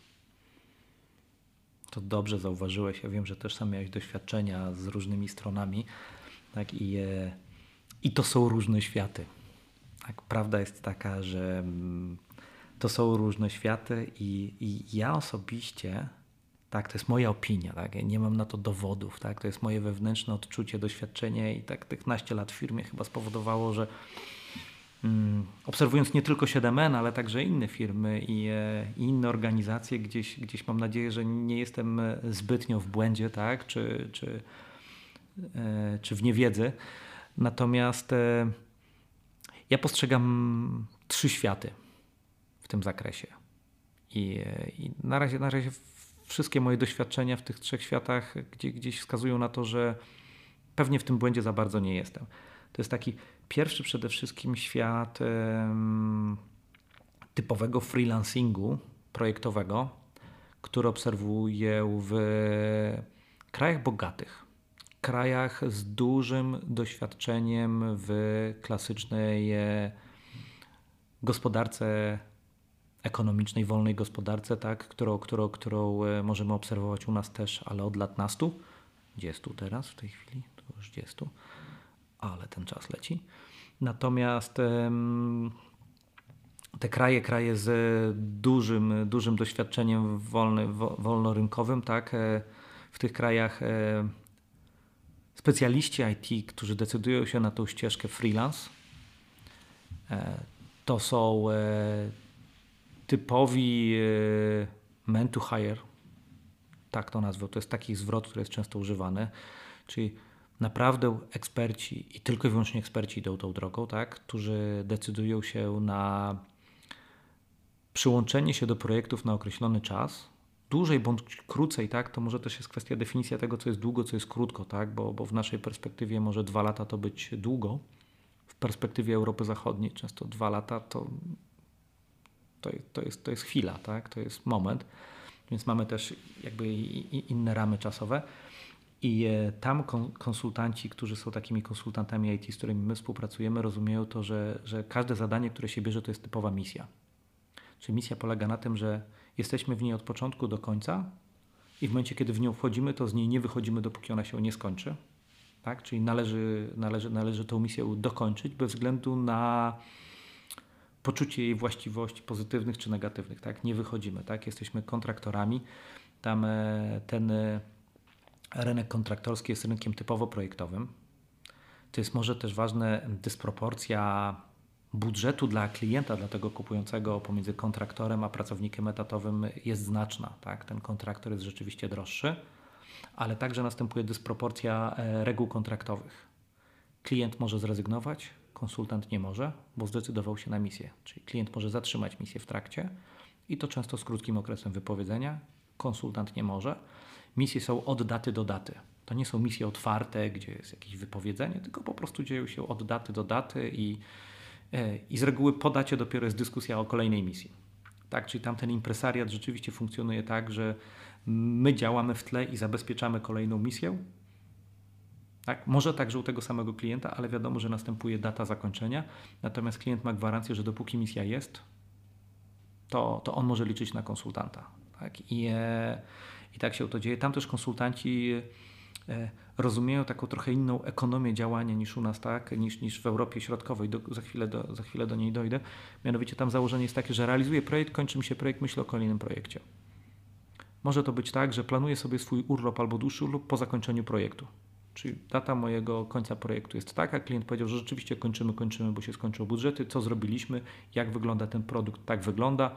Jeśli kończy się, nie wiem, e, budżet danego projektu dany od zarządu, to on się kończy. Musimy żyć z tym, co mamy, dopóki nie otworzymy kolejnej rundy inwestycyjnej na dany produkt, projekt tak, i tym podobne. E, no i tak to sobie działa, tak? Czyli konsultanci mają dużo większe e, zobowiązanie ze swojej strony co do tego, że są w danym angażu, mają e, dosyć nierówne warunki wyjścia z angażu, tak? czyli oni się obligują, druga strona ma pewne prawa do wyjścia z tego, tak, tak zwane exit clauses, które też są sankcjonowane. Nie, to nie jest tak, że deszcz pada, to ja rezygnuję, tak? to też jest jasne, bo my jako także ich impresariusz walczymy o to, żeby one były jak najbardziej racjonalne, tak? I żeby to nie było tak, że ktoś miał słaby lunch i w związku z tym może zatrzymać sobie konsultantów z dnia na dzień bez jasnych warunków do wypowiedzenia tego, bo, bo szanujmy też siebie, szanujmy też swoich, swoich ludzi. Natomiast gdzieś te warunki są, czyli zobowiązanie z, nas, z naszej strony i ze strony konsultanta jest dużo głębsze. Tak? Stawki są wyższe, tak jak już wspomniałem. I ta akceptacja, że w związku z tym, że stawki są wyższe, to konsultanci mają takie chwilowe przerwy w niebyciu na projekcie, jest czymś naturalnym, tak? Czyli liczymy sobie całkę, nie wiem, z dwóch lat. Ok, przez dwa lata powinienem zarobić średnio tyle i tyle więc jeśli mam wyższą stawkę, to na przykład już po, po tych 18-20 miesiącach już można powiedzieć, wykonałem swój plan dwuletniego budżetu, wszystko co jest ponad to jest dodatek. Czy jesteśmy przygotowani, że może klient przedłuży ten projekt i to będzie fajnie, ale jak nie przedłuży, to mamy urlop po prostu, bo już swoje zrobiliśmy także finansowo. Może się wtedy pouczymy czegoś, tak? Także w tych krajach zachodnich eksperci dużo, dużo więcej e, bezpośrednio inwestują w siebie czyli myślą bezpośrednio o tym, co oni potrafią, e, co by chcieli, tak, e, jakie technologie są w trendach.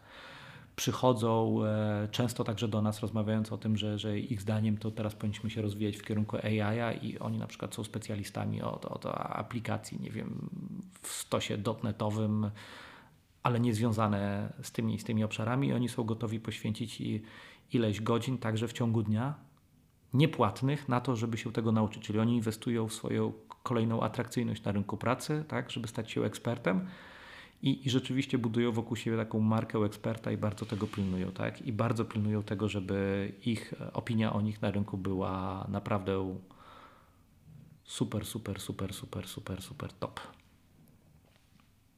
To jest ten jeden obszar.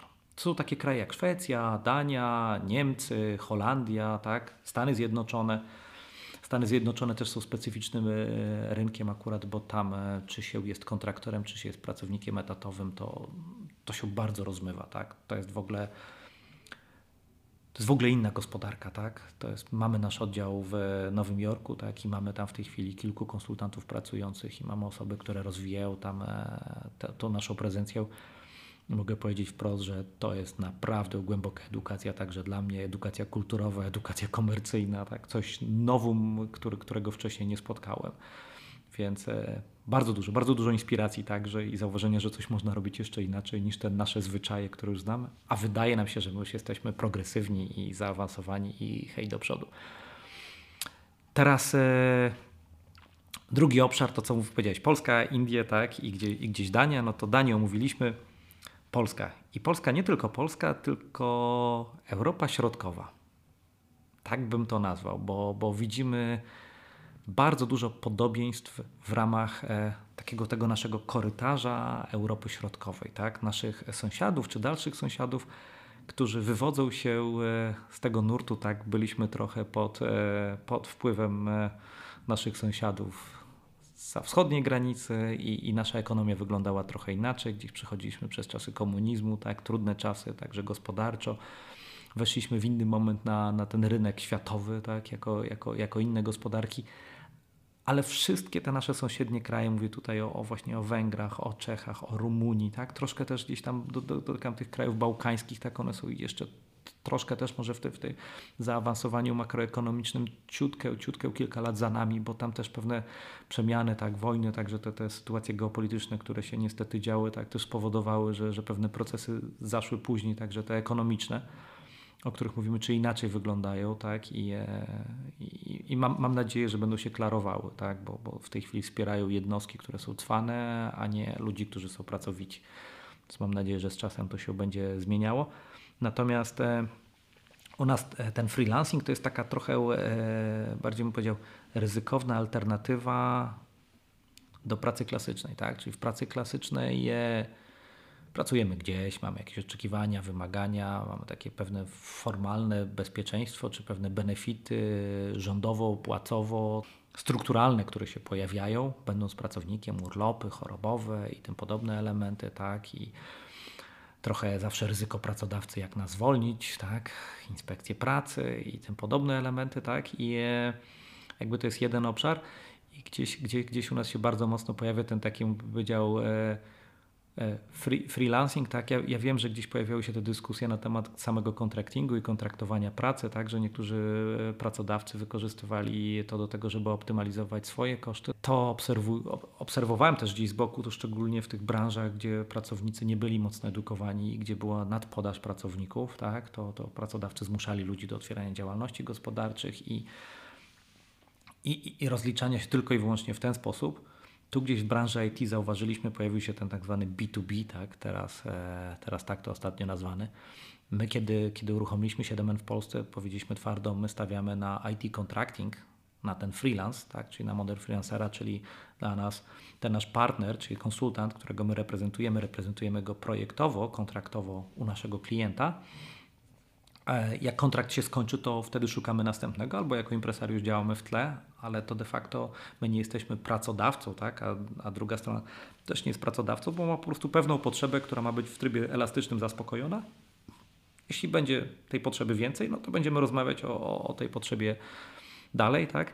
Natomiast e, po pierwsze, dysproporcje pomiędzy stawkami jednymi i drugimi nie są tak duże, czyli budżety, które są asygnowane na pracownika etatowego, są zbliżone gdzieś do, do budżetów asygnowanych na pracownika kontraktowego. Z reguły te kontraktowe są w IT ciut wyższe, bo tam wchodzą te elementy właśnie świętego spokoju. Tak? Nie płacą za urlop, nie płacą za chorobowe, mm, nie muszę się tłumaczyć, dlaczego pożegnam danego pracownika, po prostu kończą kontrakt i, i tyle, tak? W, w danych warunkach kontraktowych. Natomiast y,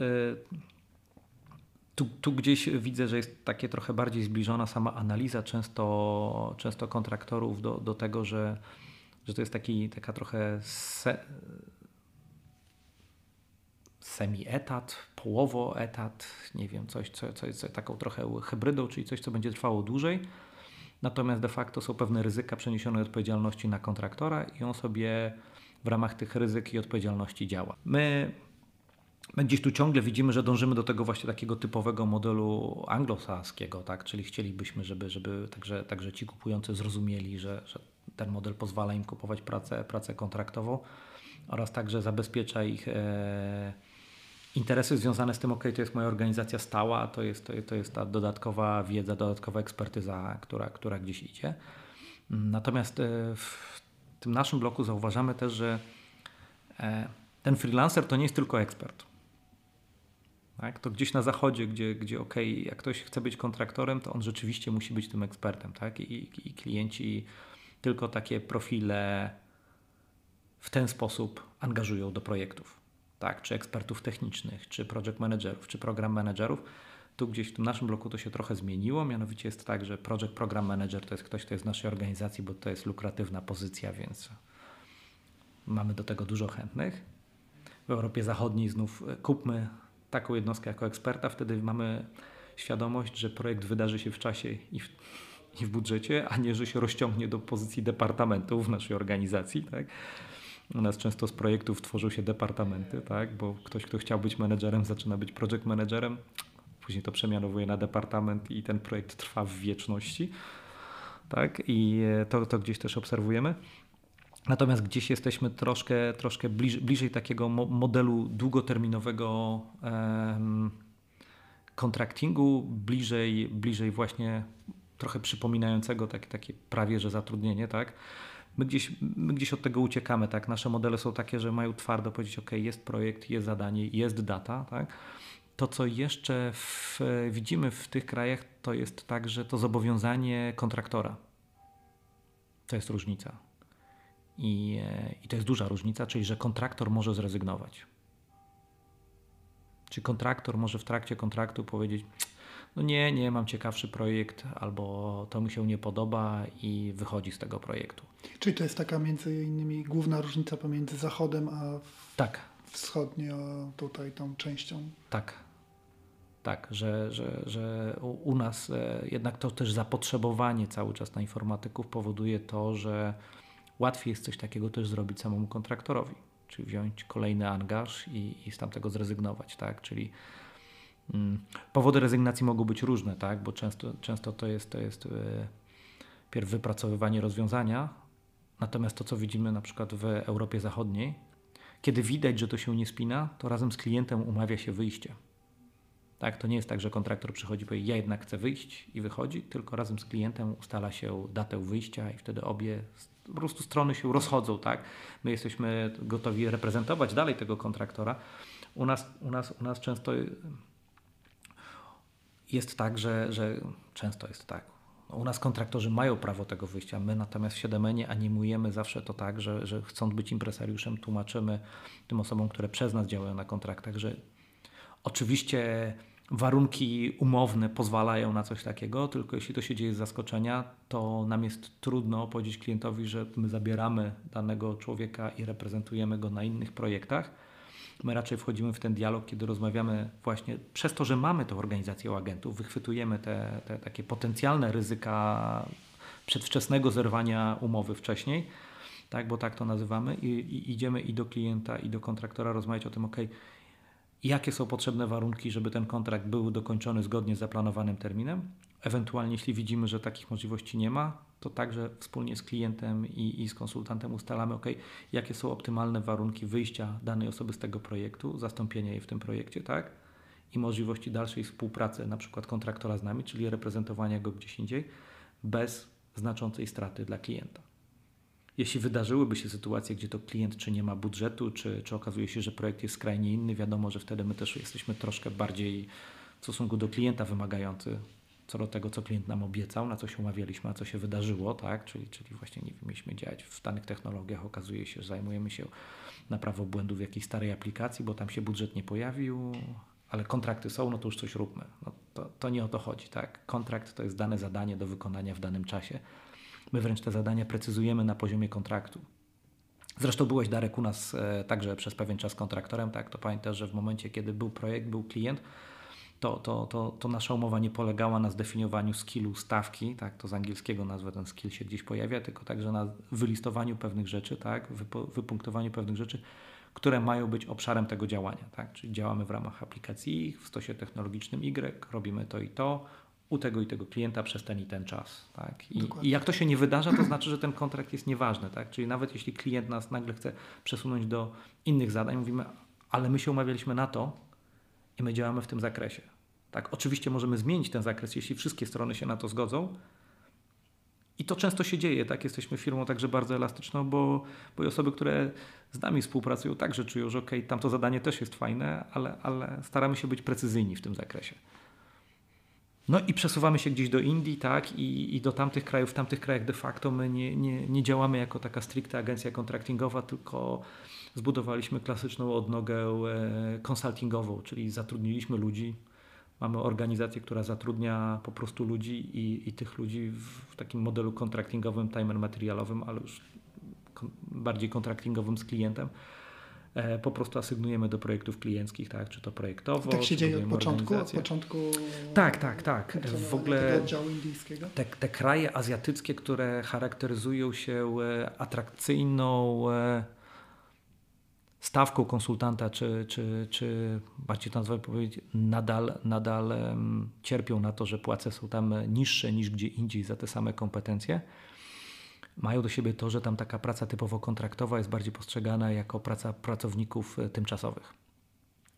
Inna rzecz, e, prawo pracy czy ochrona pracownika tak, w Indiach czy gdzieś e, na Filipinach tak jest totalnie niższa niż, niż w reszcie świata. Tak? Bardziej się przypomina modele amerykańskie czy właśnie anglosaskie, gdzie w ciągu tygodnia można pożegnać pracownika.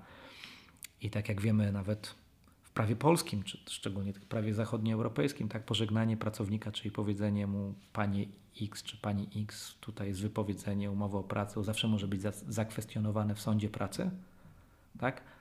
ale musi być nazwane. Czyli musi być powiedziane dlaczego w przypadku, w przypadku e, Indii czy Stanów Zjednoczonych, tak, tam najważniejsze, co należy zrobić, jeśli się chce zrezygnować z pracownika, to nie mówić dlaczego. Tylko od, odwołać się do paragrafu. Tak? Tam nie ma wymogu wytłumaczenia dlaczego, tylko jest po prostu paragraf określający okres wypowiedzenia. Dziękuję. W momencie, jakby się powiedziało, dlaczego to jest ryzyko, że ktoś to zakwestionuje. Dopóki się nie powie, dlaczego to jest normalnie przyjmowane, więc to prawo pracy to klasyczne, moim zdaniem trochę nie fair, tak? bo, bo to jest też tak trochę właśnie stawianie większego w stosunku do mniejszego, tak? E, a nie powodowanie, że okay, ktoś, kto chce być kontraktorem, decyduje się na ryzyko, a ktoś, kto chce być bezpiecznym, stabilnym pracownikiem, ma ochronę tak? państwa, prawa, odpowiednich instytucji. Tam tego nie ma, tak? tam, tam te rynki są podobne, więc tam po prostu zatrudniamy pracowników, którzy są delegowani na projekty. Co jest ciekawe, tak ja wiem, że to stereotyp, pewnie większość osób, które, które to będzie słuchała tutaj z Polski nie miała zbyt dużego doświadczenia z Indiami, albo inaczej, ci co mieli doświadczenie mogli mieć to doświadczenie dosyć traumatyczne. Ja też miałem traumatyczne doświadczenie z współpracą z Indiami w mojej poprzedniej pracy. Naprawdę takie miałem.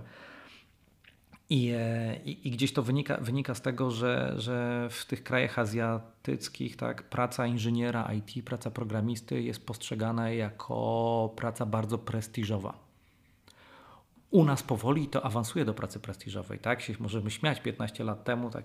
Ja pamiętam, ja osobiście jestem akurat po liceum informatycznym, po e, Politechnice Warszawskiej Wydziale Elektroniki. Pozdrawiam wszystkich znajomych, kolegów, alumni oraz także obecnych i, i uczniów Liceum Czackiego i studentów Politechniki Warszawskiej, szczególnie elektroniki. E, I, I, wiem, że jak ja rozpoczynałem jakby tą ścieżkę zawodową, to nawet moi rodzice się patrzyli, mówią, ale idź na prawo. No, no idź, no widzisz, prawnicy tutaj piękne życie mają, rządzą światem, decydują, kto, kto pójdzie do więzienia, kto nie, tak? Czy, no, no takie to było, albo bądź lekarzem, tak? E, bardzo nobliwy zawód i, i tu, tu, akurat chylę czoła, bo, bo wiem, że ja bym był słabym lekarzem, po prostu nie dałbym rady. To jest naprawdę wymagająca praca i, i bardzo misyjna. E, natomiast e, to, to IT, tak, ta inżynieria to było coś takiego po co, niezrozumiałego, tak? E, swetry, tak, tak się śmiali. Natomiast no, ja, to kochałem, cieszę się, że jestem nadal w IT, może w trochę innej, innym formacie tak, niż, niż, niż moje początkowe marzenie. Miałem być tym, który pisze systemy właśnie do lotów kosmicznych. To było takie moje, moje, moje marzenie z czasów posiadania Atari, że to właśnie będę robił. E, no ale jestem tu, gdzie jestem, także szczęśliwy. Natomiast teraz ten zawód staje się także u nas tu w Polsce i w tej naszej części Europy także zawodem nobliwym, fajnym. Tak, to jest fajnie pójść na uczelnię techniczną, jest fajnie być deweloperem, jest fajnie działać w IT. To jest coś, e, na co wszyscy się patrzą, wow, to jest nasza przyszłość. A kiedyś to, było, to była ta nisza, tak? To były te piwnice, te stare komputery, jakieś dziwne maszyny, tak? karty odbijane, nie wiadomo po co to komu i na co to komu i tylko prąd żre. Natomiast w Indiach już od lat e, inżynier e, teleinformatyki był zawodem nobliwym z racji tego, że i Wielka Brytania i Stany Zjednoczone bardzo mocno stawiały na rozwój różnego rodzaju systemów tak, i rozwój inżynierii w Indiach.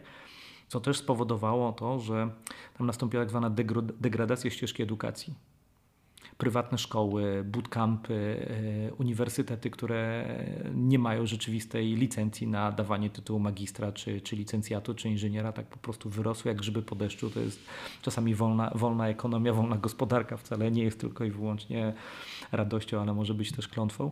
E, I, i przez to tam wyprodukowano masy inżynierów, którzy nie są sercem inżynierami, którzy nie są sercem programistami, którzy nie byli do tego urodzeni, tylko ich rodzice trochę tak wmusili. Tam rodzina akurat ma bardzo dużo do powiedzenia w zakresie ścieżki zawodowej także.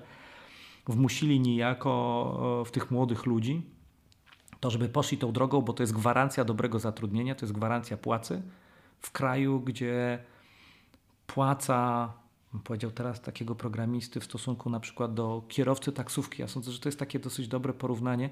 Wszyscy wiemy, że teraz akurat kierowcy taksówek pewnie bardzo cierpią z powodu tego, co się dzieje. To nie jest prosty zawód, on nie przynosi kokosów, ale można żyć z tego.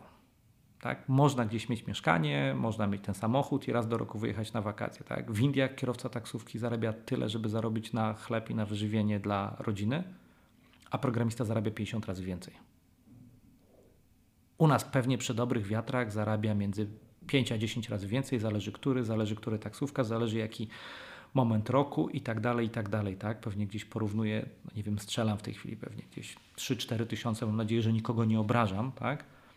Nawet porównajmy to do średniej płacy, może to jest, to, to jest ciekawsze, tak? I to gdzieś bardziej to widzi, tak? W Indiach nadal to jest 10 razy średnia płaca. Tak jakbyśmy sobie to przełożyli do realiów polskich, to by to oznaczało około pewnie w tej chwili 45 do 50 tysięcy złotych brutto miesięcznie dla programisty. Każdego. Nie dobrych, nie seniorów. Każdego. Tak? Mówimy tu o każdym, więc to gdzieś naturalnie powoduje tendencję, że każdy stara się tam trafić. U nas zresztą też widzimy ten trend, że coraz więcej osób chce być programistą. No, ale wracając. Stąd nasze złe doświadczenia z Indiami. Bo przez to, że tam ta presja na bycie właśnie w tym zawodzie spowodowała, że wszyscy chcą być w tym zawodzie, firmy urosły niebotycznie, mogąc oferować nieskończoną liczbę programistów, którzy są 10 e, razy tańsi niż e, koledzy w Niemczech i nie wiem, w tej chwili pewnie 5 razy tańsi niż koledzy w Polsce, a, wcześniej pewnie byli 3 razy tańsi niż koledzy w Polsce, tak? bo, bo u nas te płace też poszły, te koszty. Koszty także dla zagranicznych firm e, korzystania z naszej wiedzy, naszych mózgów, tak, poszły w górę. Więc więc stąd też firmy po prostu postawiły na, na, na te Indie i założyły sobie tak, ok, dobra, kupię dużo, ktoś będzie dobry. To jest błąd kardynalny. Bo jeśli się kupi dużo z przymrużeniem ocza, oka, to oznacza, że większość z tego może być słaba i, i, i z tego powodu firmy cierpią. My natomiast znów my zastosowaliśmy naszą, naszą taką metodykę, szukamy ludzi najlepszych, najmocniejszych i Darek zresztą byłeś w Indiach i tam prowadziłeś zresztą konferencję. Właśnie, to bym ci przerwę ci na chwilę, bo mam dokładnie takie samo doświadczenie i, moje, i przeżyłem ogromny szok jadąc do Indii i spotykając się z konsultantami 7N. Miałem przyjemność poprowadzić dla nich warsztat i to, co ty powiedziałeś, że w poprzedniej pracy miałeś takie doświadczenie, że miałeś traumatyczne doświadczenie. Ja również w poprzedniej pracy swojej, zanim e, trafiłem e, do Siedemenu, też miałem traumatyczne przeżycie z e, ludźmi, którzy, którzy próbowali coś robić dla firmy z Indii. I szczerze mówiąc, jadąc do, do Indii tutaj już z Siedemenem razem, nastawiałem się na to samo, a przeżyłem szok, dlatego że spotkałem nieprawdopodobnie e, inteligentnych ludzi. I e, oprócz tego, że inteligentnych, to jeszcze fachowców w swoich e, dziedzinach. Ja prowadziłem tam wtedy szkolenie z Native Scripta i ci ludzie byli rzeczywiście ekspertami. Można było z nimi rozmawiać na, na najwyższym poziomie. I to był dla mnie szok, bo nie spotkałem czegoś takiego wcześniej i wtedy też zrozumiałem trochę tą magię 7 że jednak rzeczywiście te top 3 to jest top 3, o których już tu rozmawialiśmy. I również to dotyczy Indii. Tak, wiesz, bo już y, ja odpowiedzialny za Indię zostałem 7 y, lat temu. Pamiętam, w Indiach mieliśmy jednego dużego klienta bardzo istotną dla nas firmę z Danii, z którą współpracujemy także od prawie początków dziejów 7 I, i EPE uruchomił ten oddział, tam przez chwilę mieliśmy lokalnego menedżera także w tym oddziale, tak, który, który, który prowadził to. Przez pewien czas mieliśmy duńskiego menedżera, który mieszka wręcz w Indiach tak, i z ramienia 7 zajmował się tym oddziałem, natomiast on z racji tego, że jego dzieci urosły do, do wieku szkolnego, chciał wrócić do Danii, chciał, żeby miały edukację tą szczególnie podstawową w ich ojczystym języku. Całkowicie to rozumieliśmy. Nie było innego kandydata, więc e, zatrudniliśmy osobę z rynku z zewnątrz, tak? Osobę z dużą historią IBM, Accenture, podobną, tak? Takiego naprawdę seniora, seniora, dyrektora, tak? Pozwolę sobie tutaj z przymrużeniem oka tak nazwać to stanowisko. I on przez chwilę prowadził na, na nasz oddział. No ale od początku, jak budowaliśmy ten oddział, to budowaliśmy go wespół z klientami, którzy powiedzieli: OK, stawiamy na Was, ufamy Wam 7, jak mówicie, że potraficie zrobić w Indiach też coś podobnego co w Danii, to my chcemy spróbować i z tymi klientami byliśmy mówieni, że my nie stawiamy na skalę i na tempo, tylko na dobór jak najlepszych ludzi. Nam zatrudnienie jednego specjalisty tam na miejscu oznacza przesianie około 200-300 osób. Przesianie, nie zobaczenie ich życiorysów. Przesianie, czyli porozmawianie z nimi i powiedzenie nie, nie, nie, nie, nie. To jest ultra ciężka praca. Naszym głównym wyzwaniem było to, że rekruterzy, którzy wykonywali tę pracę, oni nie rozumieli, jak to jest możliwe w momencie, kiedy obok IBM zatrudnia e, dwie trzecie kandydatów, po prostu. Taki jest ustawiony współczynnik jakości pracy rekrutera. Dwie trzecie osób, które spotkasz, masz zatrudnić. Nieważne, czy oni są dobrzy, czy nie, przykleimy ich na, na, projekt do klienta, jak się nie sprawdzą, to ich zwolnimy, no bo prawo pracy pozwala nam ich zwolnić. Więc jakby taki najprostszy model odpalamy, sprawdzamy, czy działa. Jak się zepsuło, to, to zamykamy. Tak? My natomiast postawiliśmy na ten model OK. To jest tak trochę jak z tym złotem bądź z tymi diamentami. Trzeba kopać, kopać, kopać, szukać, szukać, szukać, szukać. Jest! I zaczynamy od nowa. Nie ma tak, że jak jest jeden, to drugi leży obok. Szukamy dalej. Więc postawiliśmy na ten model i nasi klienci nam zaufali. Też się zgodzili na długi cykl budowania zespołu. 5-6 lat temu, 6 lat temu, o, ale ten czas leci. Jepe poprosił mnie o to, bo powiedział, że ten lokalny hinduski menedżer przyszedł z tą kulturą IBM-owską, chciał wszystkich trochę podporządkować sobie. Musieliśmy się z nim rozstać, to było niespójne z 7 Jepe poprosił mnie, ok Sebastian, prowadzisz tu 7 w Polsce, jest fajnie, to się dobrze rozwija, masz fajną organizację, możesz zdelegować trochę zadań, zajmij się naszym oddziałem w Indiach, bo coś trzeba z tym zrobić. Mamy ważnego klienta, który tam działa. Mamy 30 kilka osób wtedy, tak, i, i szkoda by to było stracić. I mówi, to co z tym zrobić? To pierwsze, co ja mu zaproponowałem, mówię, nie róbmy sobie problemów. Z punktu widzenia stawek, biznesu, wpływu komercyjnego tego oddziału na 7N, to, to było hobby.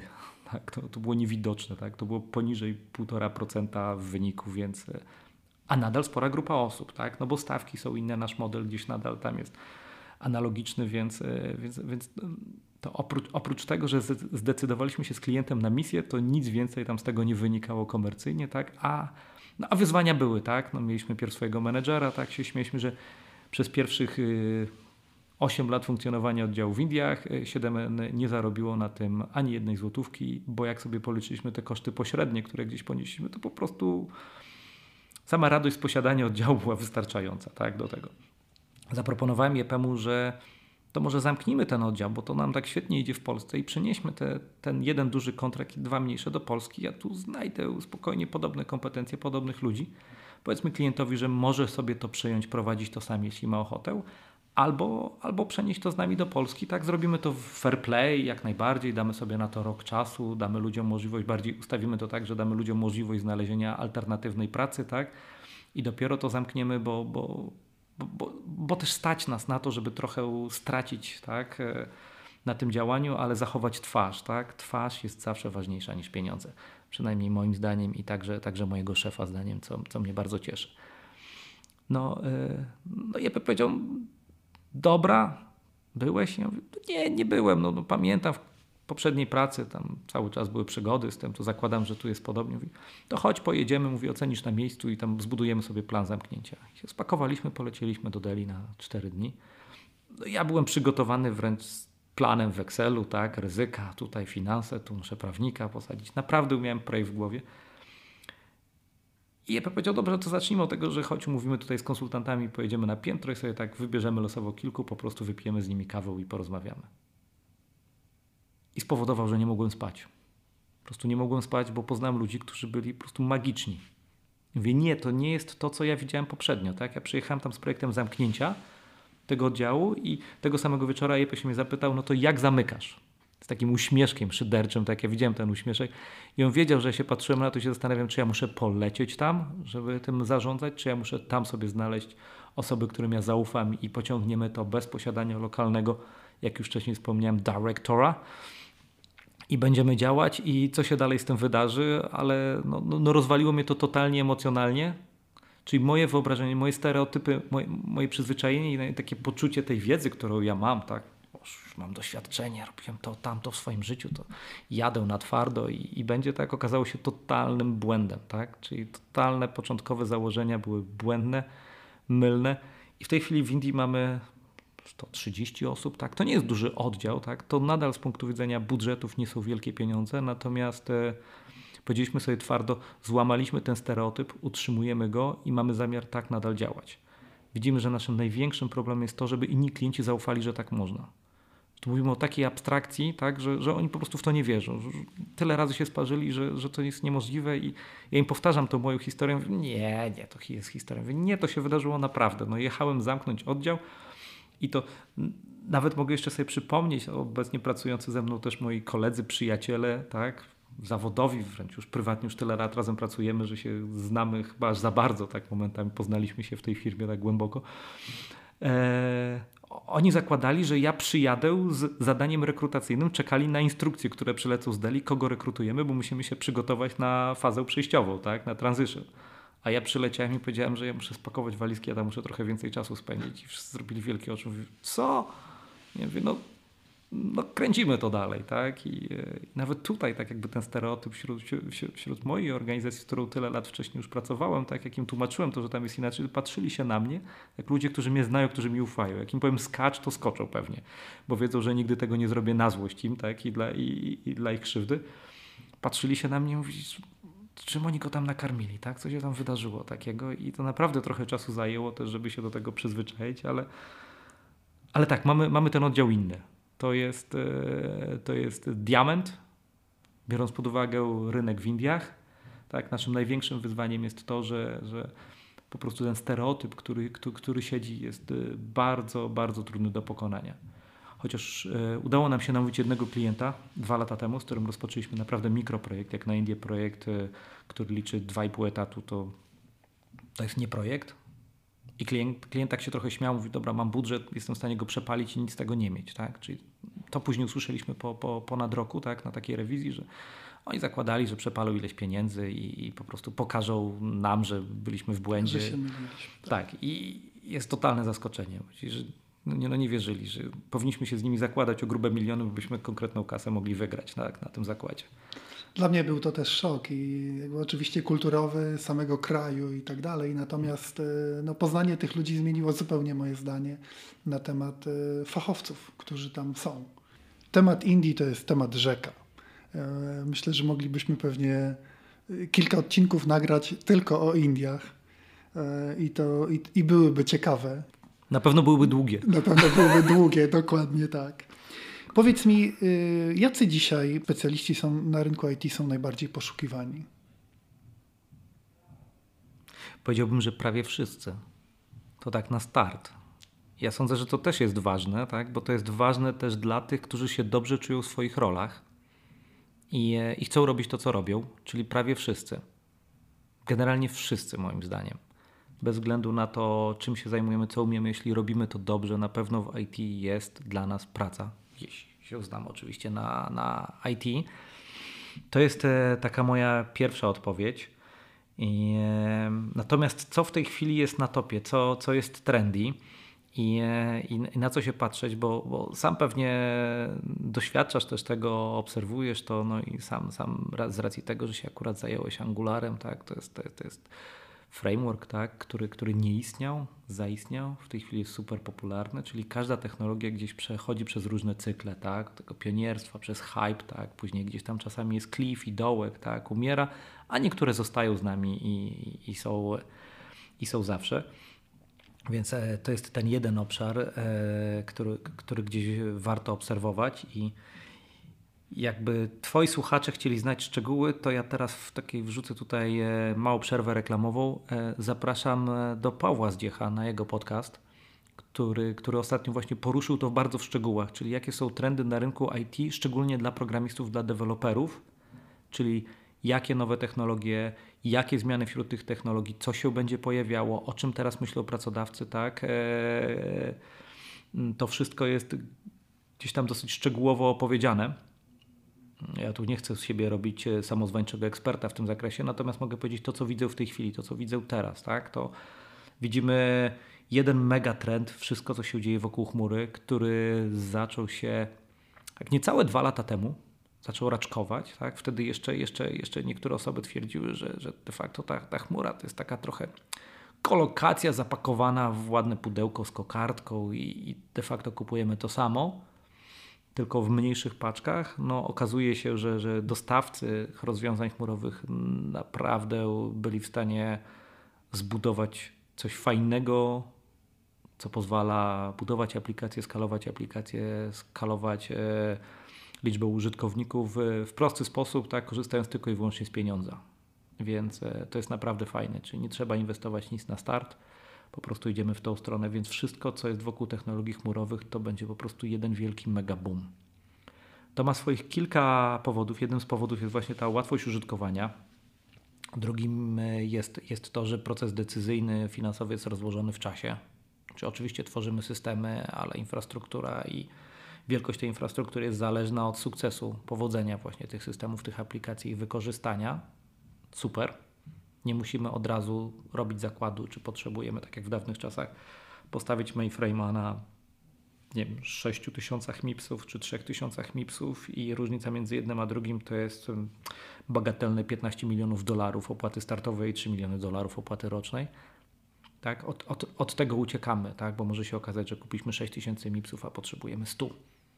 Tak? To są te trudne decyzje w przypadku technologii chmurowych widzimy, że, że to po prostu jest i będzie, tak? czyli i specjalistów od konteneryzacji, i e, specjalistów, którzy, którzy, którzy dotykają się, dotykają się, którzy chcą być tymi tak zwanymi DevOpsami, tak, i deweloperami, jednocześnie osobami, które rozumieją, jak tworzyć środowisko produkcyjne, tak, takie quasi-infrastrukturowe do tego, tak, czyli to, to infrastructure as a code, tak, czyli to widzimy jako bardzo duże zapotrzebowanie. Ja się bardzo też e, cieszę, że to wchodzi w sferę IT, czyli cały user experience. Tak? To był frontend, wiadomo, aplikacje internetowe się zmieniają, natomiast teraz e, firmy rozumieją, że, że ten i, i użytkownik, czyli klient, ale i pracownik korzysta z tych systemów. Jak te systemy są siekierą ciosane, to ci pracownicy są nieefektywni. Są nieefektywni z tego powodu, że słabo wykonują swoją pracę korzystając z tych systemów. Z drugiej strony są nieefektywni bo ta ich rzeczywistość w pracy jest brzydka, a rzeczywistość poza pracą jest piękna, tak? Czyli Facebook, Instagram, Uber, jakkolwiek różne aplikacje są, jedni je kochają, drudzy ich nienawidzą, oczywiście, tak? Ale wokół, wokół nas otacza nas e, dużo pięknych konsumenckich aplikacji, a czasami korporacje o tym zapominały i tworzyły te nudne, szare systemy, które miały 16 tysięcy pól formularzu, które trzeba było wypełnić przez 15 minut, a nie daj Boże się przeglądarka zrestartowała zaczynamy od nowa, też rozumieją to, że ten user experience jest ważny.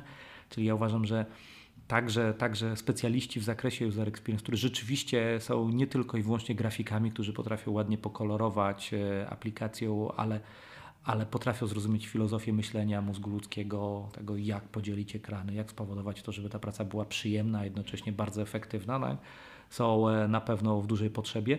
I to, co się odrodziło, to szczególnie COVID i lockdown spowodowało takie, takie bardziej klarowne podejście do tego tematu, temat cyberbezpieczeństwa.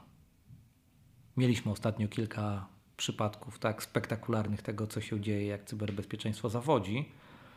No, no, ja pamiętam to już z moich czasów, kiedy sam jeszcze pełniłem taką klasyczną merytoryczną funkcję IT. Można zbudować każdego firewalla, ale jak ktoś sobie zostawi backdora na jednym porcie, to znaczy, że firewalla nie ma. Tak? I tu, tu się okazuje, że, że ta wszechobecność technologii powoduje, że, że firmy muszą myśleć inaczej o cyberbezpieczeństwie niż do tej pory, tak? że, że musimy podejmować ryzyko tego, że nagle się urządzenia naszych pracowników prywatnych gdzieś, gdzieś, gdzieś skomunikują z naszymi aplikacjami korporacyjnymi i, i wielkimi systemami, które, które, które wykonują różne ważne, tak? czasami ratujące życie funkcje tak, czasami też ratujące życie, o tym należy pamiętać. Tak? Mówmy sobie nawet o tym, że idziemy w te samochody autonomiczne, które się pojawiają, tak? Connected Mobility jest. Natomiast jak pojawia się autonomia, pojawia się connection i pojawia się w takim razie system, pojawia się ryzyko, że ktoś to connection złamie. Więc, e, a jeśli to złamie, może także zagrozić życiu, więc e, o tym musimy pamiętać. Więc e, ja bym chyba postawił na te Jakbym, jakbym miał teraz, teraz wybrać trzy top kierunki, to chyba to by były te, czyli wszystko związane z cloudów, czyli konteneryzacja i DevOps. Tak? To są takie, takie obszary, obszary gorące obecnie, które pewnie przez najbliższy rok, dwa lata będą gorące. Zobaczymy, co nam przyniesie tę e, przyszłość. Mm, mamy, mamy user experience, czyli, czyli coś, co jest na pograniczu technologii, aplikacji, budowania interfejsów, mm, estetyki ale bardzo mocno rozumienia człowieka tak? I, i formatu poruszania się przez człowieka i, i także rozumienia różnych ludzi. Dużo mamy rozmowy o tym, ok, czym jest user experience dla nastolatka, czym jest user experience dla 50-latka. To jest to, czy ostatnio tak z jednym znajomym miałem dyskusję internetowe konto pacjenta. I ja się cieszę, że je mam, klikam sobie, widzę coś, fajnie coś powstało, tak, nasz, nasz w tym momencie jakby tak kompetencja techniczna rządu dała nam coś, co pozwala nam w tej chwili podejrzeć naszą historię chorób. Jak pokazałem to mojemu synowi, on się spojrzał, no tata, on ma 12 lat. Mówi, dla, dla, niego to jest tak samo, jak dać, dać mu książkę po prostu drukowaną i powiedzieć, że to jest najfajniejszy sposób czytania książki tak, w danej chwili. Też się tak patrzy i on, on już żyje w innym świecie, tak? więc e, to też, e, to też pewnie jest to. A przyszłość, sądzę, coraz bardziej będzie wkraczała w obszary właśnie tej sztucznej inteligencji, tak, i jeszcze bardziej zaawansowanej automatyzacji, robotyzacji. E, sądzę, że to też się, też się gdzieś pojawia. No, e, ale każdy musi znaleźć swoją drogę, tak? Drogą, drogą techniczną, moim zdaniem, na chwilę obecną to jest to, a, a tej przyszłości trzeba się uczyć. I... A jak mówimy o przyszłości, to czy ta, według Ciebie ta sztuczna inteligencja może być zagrożeniem? Wiesz co, znasz mnie, wiesz, że ja jestem raczej optymistą, tak? I e, a, ufam ludziom, ufam rozwojowi i, e, i także ufam temu, że my także o swoją planetę odpowiednio zadbamy, tak? Że, że, że gdzieś, gdzieś tam się budzimy, przebudzamy, tak? Że no to w różnych rzeczach tak ludzie popełniają błędy. To samo mówiłem o sobie, tak, że możemy pomówić o naszej całej ludzkości, tak, że gdzieś możemy się w czymś zapędzić, tak, i, i nadużyć, czy na, zasobów naszej planety, czy, czy innych rzeczy. Podobnie jest to sztuczną inteligencją. E, mam takie poczucie, że, że pokolenie moje, moich wnuków i moich prawnuków raczej nie doświadczy hala z Odysei Kosmicznej, który powybija nas na statku lecącym gdzieś, gdzieś w przestrzeni międzygalaktycznej. I, i, że ta sztuczna inteligencja nie, nie zawładnie nami, tak? I nie będziemy mieli Skynetu i Terminatora, o ile ktoś jeszcze pamięta, że takie, takie pozycje gdzieś tam istnieją filmowe, tak? W naszym e, dorobku artystycznym. Więc bardziej, bardziej obstawiam, że, że to jest szansa, tak? Ja bardziej widzę, widzę to, co się dzieje. No, sztuczna inteligencja jest takie fajne pojęcie, czy to jest ta super artificial intelligence, czy to jest po prostu jakiś tylko bardzo narrow artificial intelligence. Mam poczucie, że na chwilę poruszamy się w obszarze narrow, tak? czyli, czyli de facto to jest sztuczna inteligencja, która w pewnym obszarze, tym właśnie szczególnie statystyczno-analitycznym i możliwości mm, interpretacyjnych, tak, e, e, jest dużo mocniejsza od mózgu ludzkiego. Ja bardzo, bardzo kibicuję na przykład, na przykład tym wszystkim projektom, które, które analizują, nie wiem, czy skany rentgenowskie, czy, czy, czy skany mózgu, czy analizę krwi i szukają, i szukają tam rozwiązań na, na problemy nasze cywilizacyjne. Tak ostatnio cała dyskusja na temat tego, że najprawdopodobniej będziemy dużo bliżej e, leczenia nowotworów w sposób mniej inwazyjny niż obecny. Właśnie na podstawie tego, że ktoś wziął ten cały sampling, który jest, tak, i władował w jakąś maszynerię, która myśli nad tym, wypluwa różne teorie, tak, i, i, i staramy się coś z tym zrobić, więc postrzegam to raczej, raczej najpierw tam, a co się wydarzy później, to nie wiem. No może się wydarzyć, że my zostaniemy scyfryzowani tak, i nie będziemy funkcjonowali w tej przestrzeni biologicznej. Jakoś sądzę, że to jest mniej więcej tak, tak, tak, tak, samo, tak samo dla mnie też nie, nierealna jeszcze wizja, jak dla mojej prababci to, że będzie miała komórkę, do której będzie mówić i będzie widzieć kogoś innego. Moja prababcia niestety już na tym świecie nie jest, ale, ale gdzieś jak sobie pomyślał o tym, no to jakbyśmy jej dali takie urządzenie, to by się jego wystraszyła.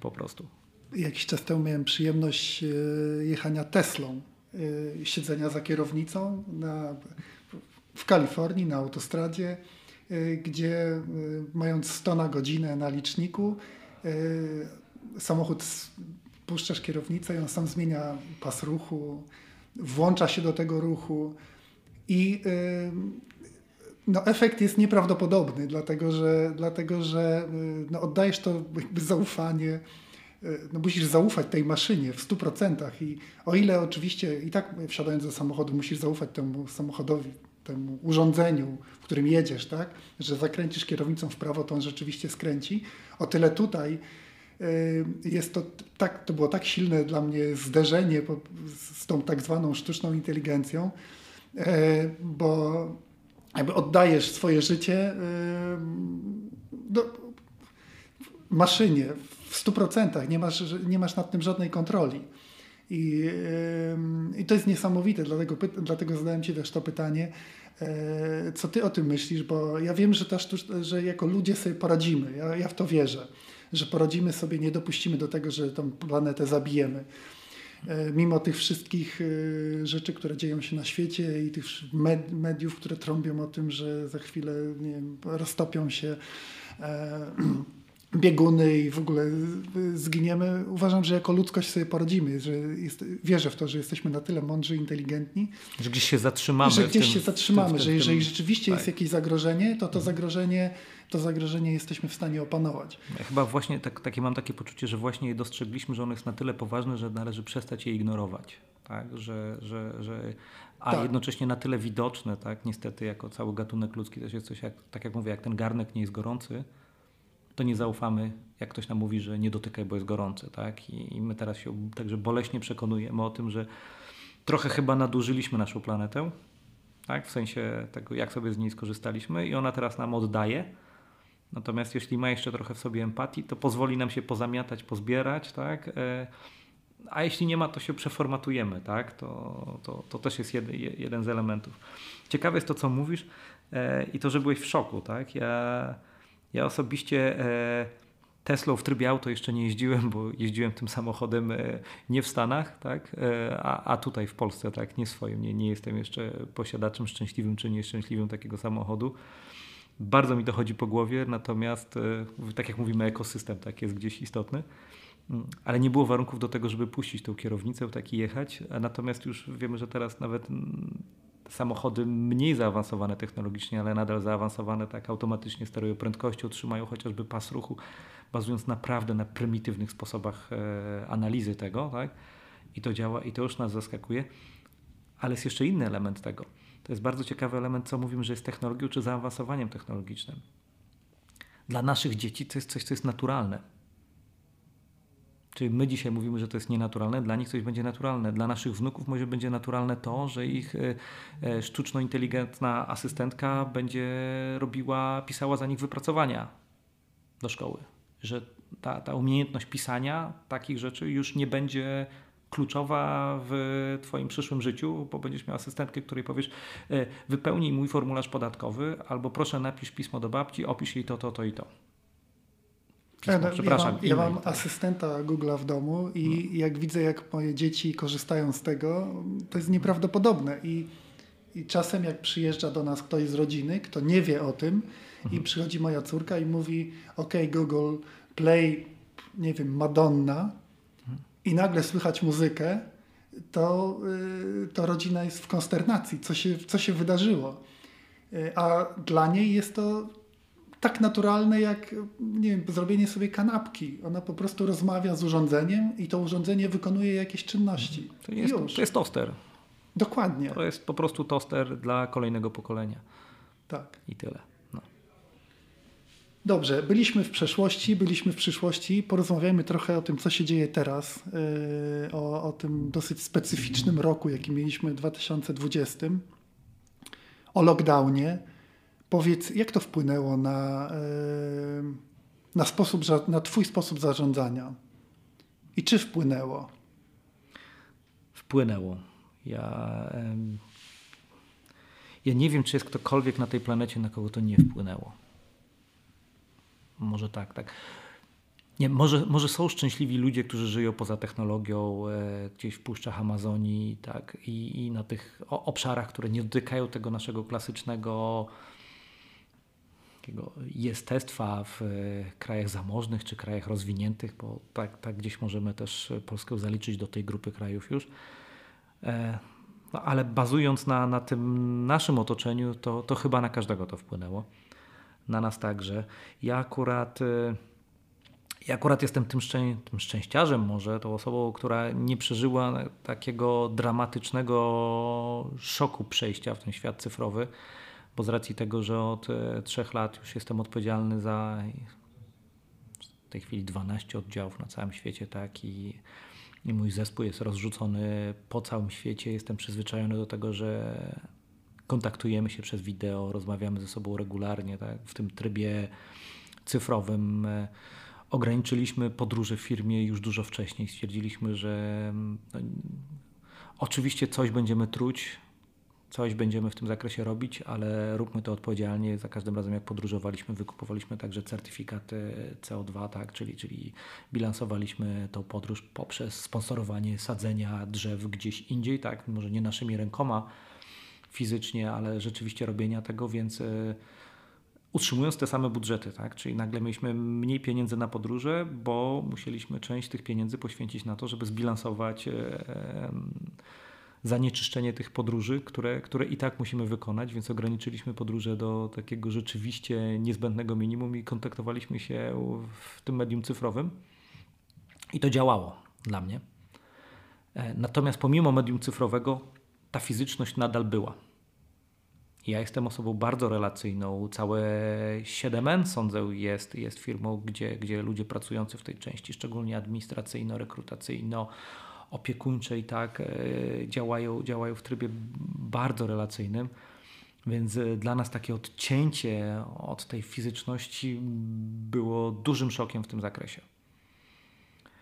My, jako impresariat, tak, jako ten opiekun konsultantów, e, mieliśmy bardzo dużo spotkań indywidualnych w małych grupach, warsztatów, obiadów, kolacji, dyskusji, tak, klubów dyskusyjnych chociażby e, oraz także większych wydarzeń, które organizowaliśmy na przestrzeni roku w, we wszystkich naszych oddziałach, gdzie, gdzie staraliśmy się także zaadresować właśnie tą ludzką część, czyli nie tylko zawodową, ale tą ludzką część.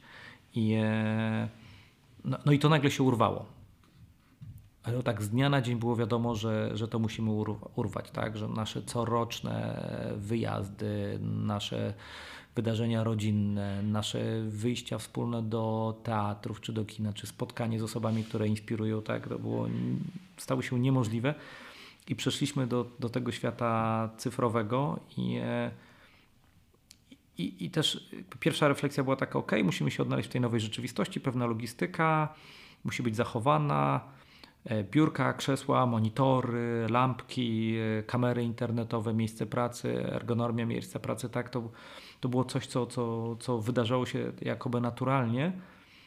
I widzieliśmy, że dużo, dużo, firm doszło do wniosku, że to jest już ta granica. Ok, daliśmy pracownikowi ergonomiczne miejsce do pracy.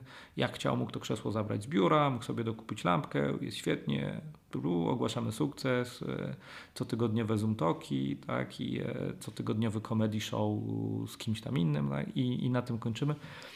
My natomiast wiedzieliśmy, że, że to jest dopiero to jest dopiero początek że to jest, to jest taki najprostszy element, który można zaadresować, natomiast e, te rzeczy, które rzeczywiście się pojawią jako ważne i istotne, przyjdą później. I, I dla nas te rzeczy to było morale osoby, bycie samemu fizycznie e, w grupie cyfrowo, zmęczenie tą wideokonferencją, to poczucie nie wiem, ja to na samym początku powiedziałem, że wszyscy mówili tak, ok, musimy wideo on, wideo on, wideo on, wideo on, tak? E, każdy powinien włączać wideo, bo wtedy mamy szacunek do tej drugiej strony. Natomiast e, niestety psychika ludzka działa tak, że jak patrzy się w ciebie szklane oko, to masz poczucie bycia obserwowanym. W momencie, kiedy siadasz jako student na auli albo jako uczestnik w wiem, większej nawet prezentacji, gdzieś w trzecim rzędzie, po lewej stronie, jesteś niejako anonimowy. Przyjmujesz wiedzę. Ja nie mówię, że jesteś wyłączony, bo, bo nie jesteś wyłączony. Tak, jesteś na spotkaniu, przyjmujesz tą wiedzę, natomiast jesteś anonimowy. W momencie, kiedy ta sama osoba siada przed ekranem i widzi siebie na tym gridzie swoje, swoje zdjęcie, tak, wideo ruszające się, tak, moja twarz drapie się po głowie, tak, i, i, inni to widzą, to już nie jestem anonimowy, już jestem obserwowany. Gdzieś dużo rozmawialiśmy o tym, kiedy wideo on, kiedy wideo nie, tak żeby dać ludziom poczucie tej swobody, która, która, która była wcześniej w pracy. My dużo też stawialiśmy na takie elementy ludzkie, przypominania, przypominania innym, że jesteśmy, że, że funkcjonujemy. E, wiem, mieliśmy taki moment, że to w Polsce gdzieś stwierdziliśmy, że chcemy, chcemy żeby każdy nasz konsultant wiedział, że tam jesteśmy, nie możemy się jeszcze fizycznie zobaczyć, no bo zagrożenie jest, tak? Rządy, rządy mówią, alarmują. E, mm, mamy odpowiedzialność społeczną wobec innych.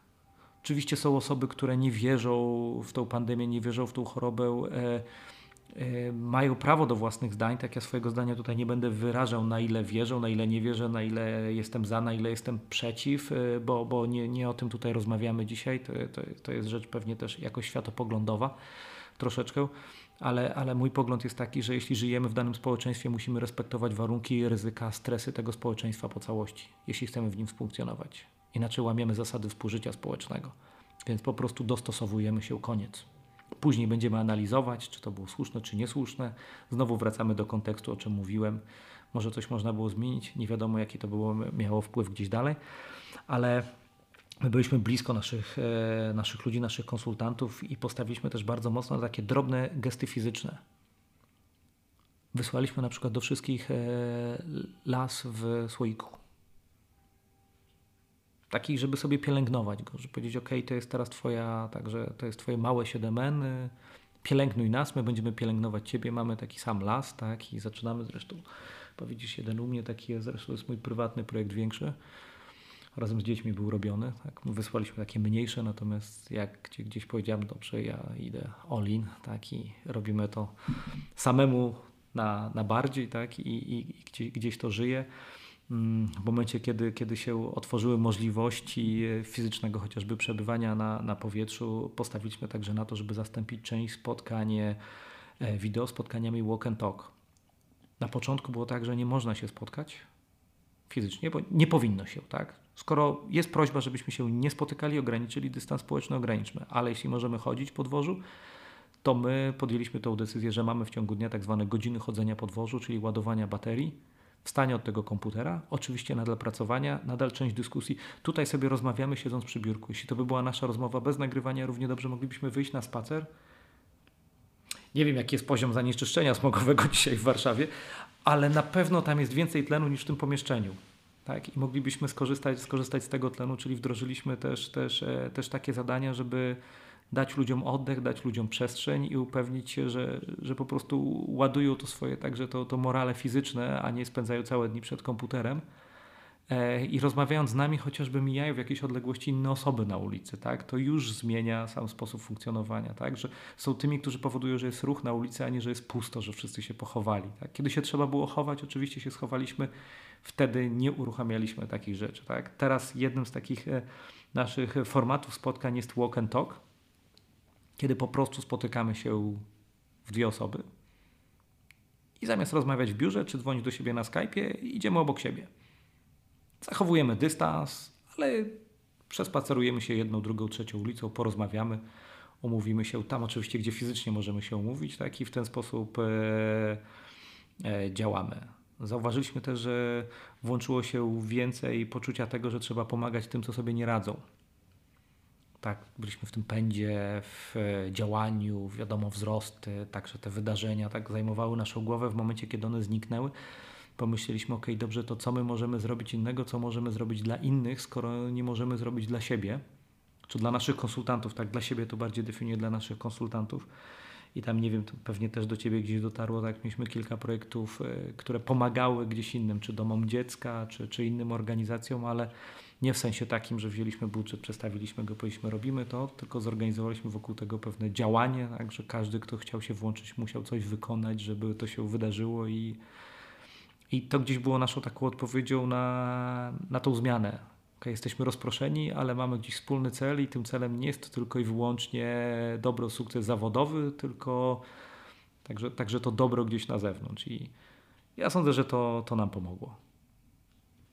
Sebastian, y, jeszcze raz bardzo, bardzo dziękuję Ci za to, że przyjąłeś zaproszenie y, do tego podcastu. Ostatnie pytanie. Co chciałbyś, aby nasi słuchacze zapamiętali z naszej rozmowy? Może jakaś jedna rzecz. Wiem, że to trudne. Tak, to jest bardzo trudne i wow, głębokie. Wiesz co, to ja może powiem tak ode mnie, bo to niekoniecznie idzie tylko i wyłącznie z mojego doświadczenia zawodowego, czy tego, o czym rozmawialiśmy. No tak zakładam, że słuchają nas osoby, które pracują, wykonują swoją pracę pewnie biorąc pod uwagę two, Twoje audytorium, e, to są e, specjaliści gdzieś z obszaru IT. Pamiętajcie, mm, róbcie to, co lubicie. To jest chyba taka najważniejsza rzecz.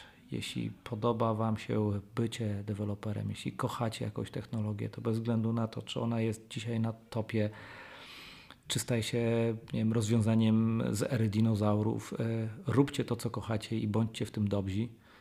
To jest e, chyba takie, takie moje główne przesłanie, bo, e, bo wtedy każdy stanie się tą dziesiątką, tym najlepszym, tym najbardziej dopasowanym. Mm, druga, druga rzecz to jest pamiętajcie o, o waszej marce osobistej, ale nie w kontekście bycia popularnym, bycia znanym, tylko o tym, jak wygląda wasza historia. Co o was mogą powiedzieć koledzy, koleżanki z przeszłości, wasi pracodawcy, szczególnie wasze zespoły, tak? osoby, z którymi na równo pracowaliście, czy, czy jesteście osobami, które są godne zaufania, czy jesteście osobami, które każdy powiedział, wow, ja chciałbym z nią, z nim znowu. No, to chyba takie moje podsumowanie. Lepsze nie mogłoby być. Mam ochotę zadać, znaczy miałbym ochotę zadać Ci jeszcze wiele, wiele pytań. Mam nadzieję, że to nie jest nasze ostatnie spotkanie. E, bardzo dziękuję. Dziękuję, dziękuję wszystkim, którzy doszli do tego momentu, wysłuchali podcastu. Ja także dziękuję. To mój pierwszy wywiad typu podcast. Mam nadzieję, że się dobrze mnie słuchało. Ja obstawiam, że będę miał nieprzespane noce, kiedy to wyjdzie i będę siebie słuchał i e, prowadził tą analizę wsteczną. To trzeba było powiedzieć inaczej, to trzeba było zrobić inaczej. Ale Darek, przede wszystkim e, ja Tobie też chciałem podziękować za zaproszenie. Mega honor. Dziękuję. E, no i co? No i mam nadzieję, że grono słuchaczy będzie Ci się powiększało i, i podcast e, będzie rósł z kolejnymi gośćmi. Też mam taką nadzieję. Dziękuję bardzo Dzięki. jeszcze raz.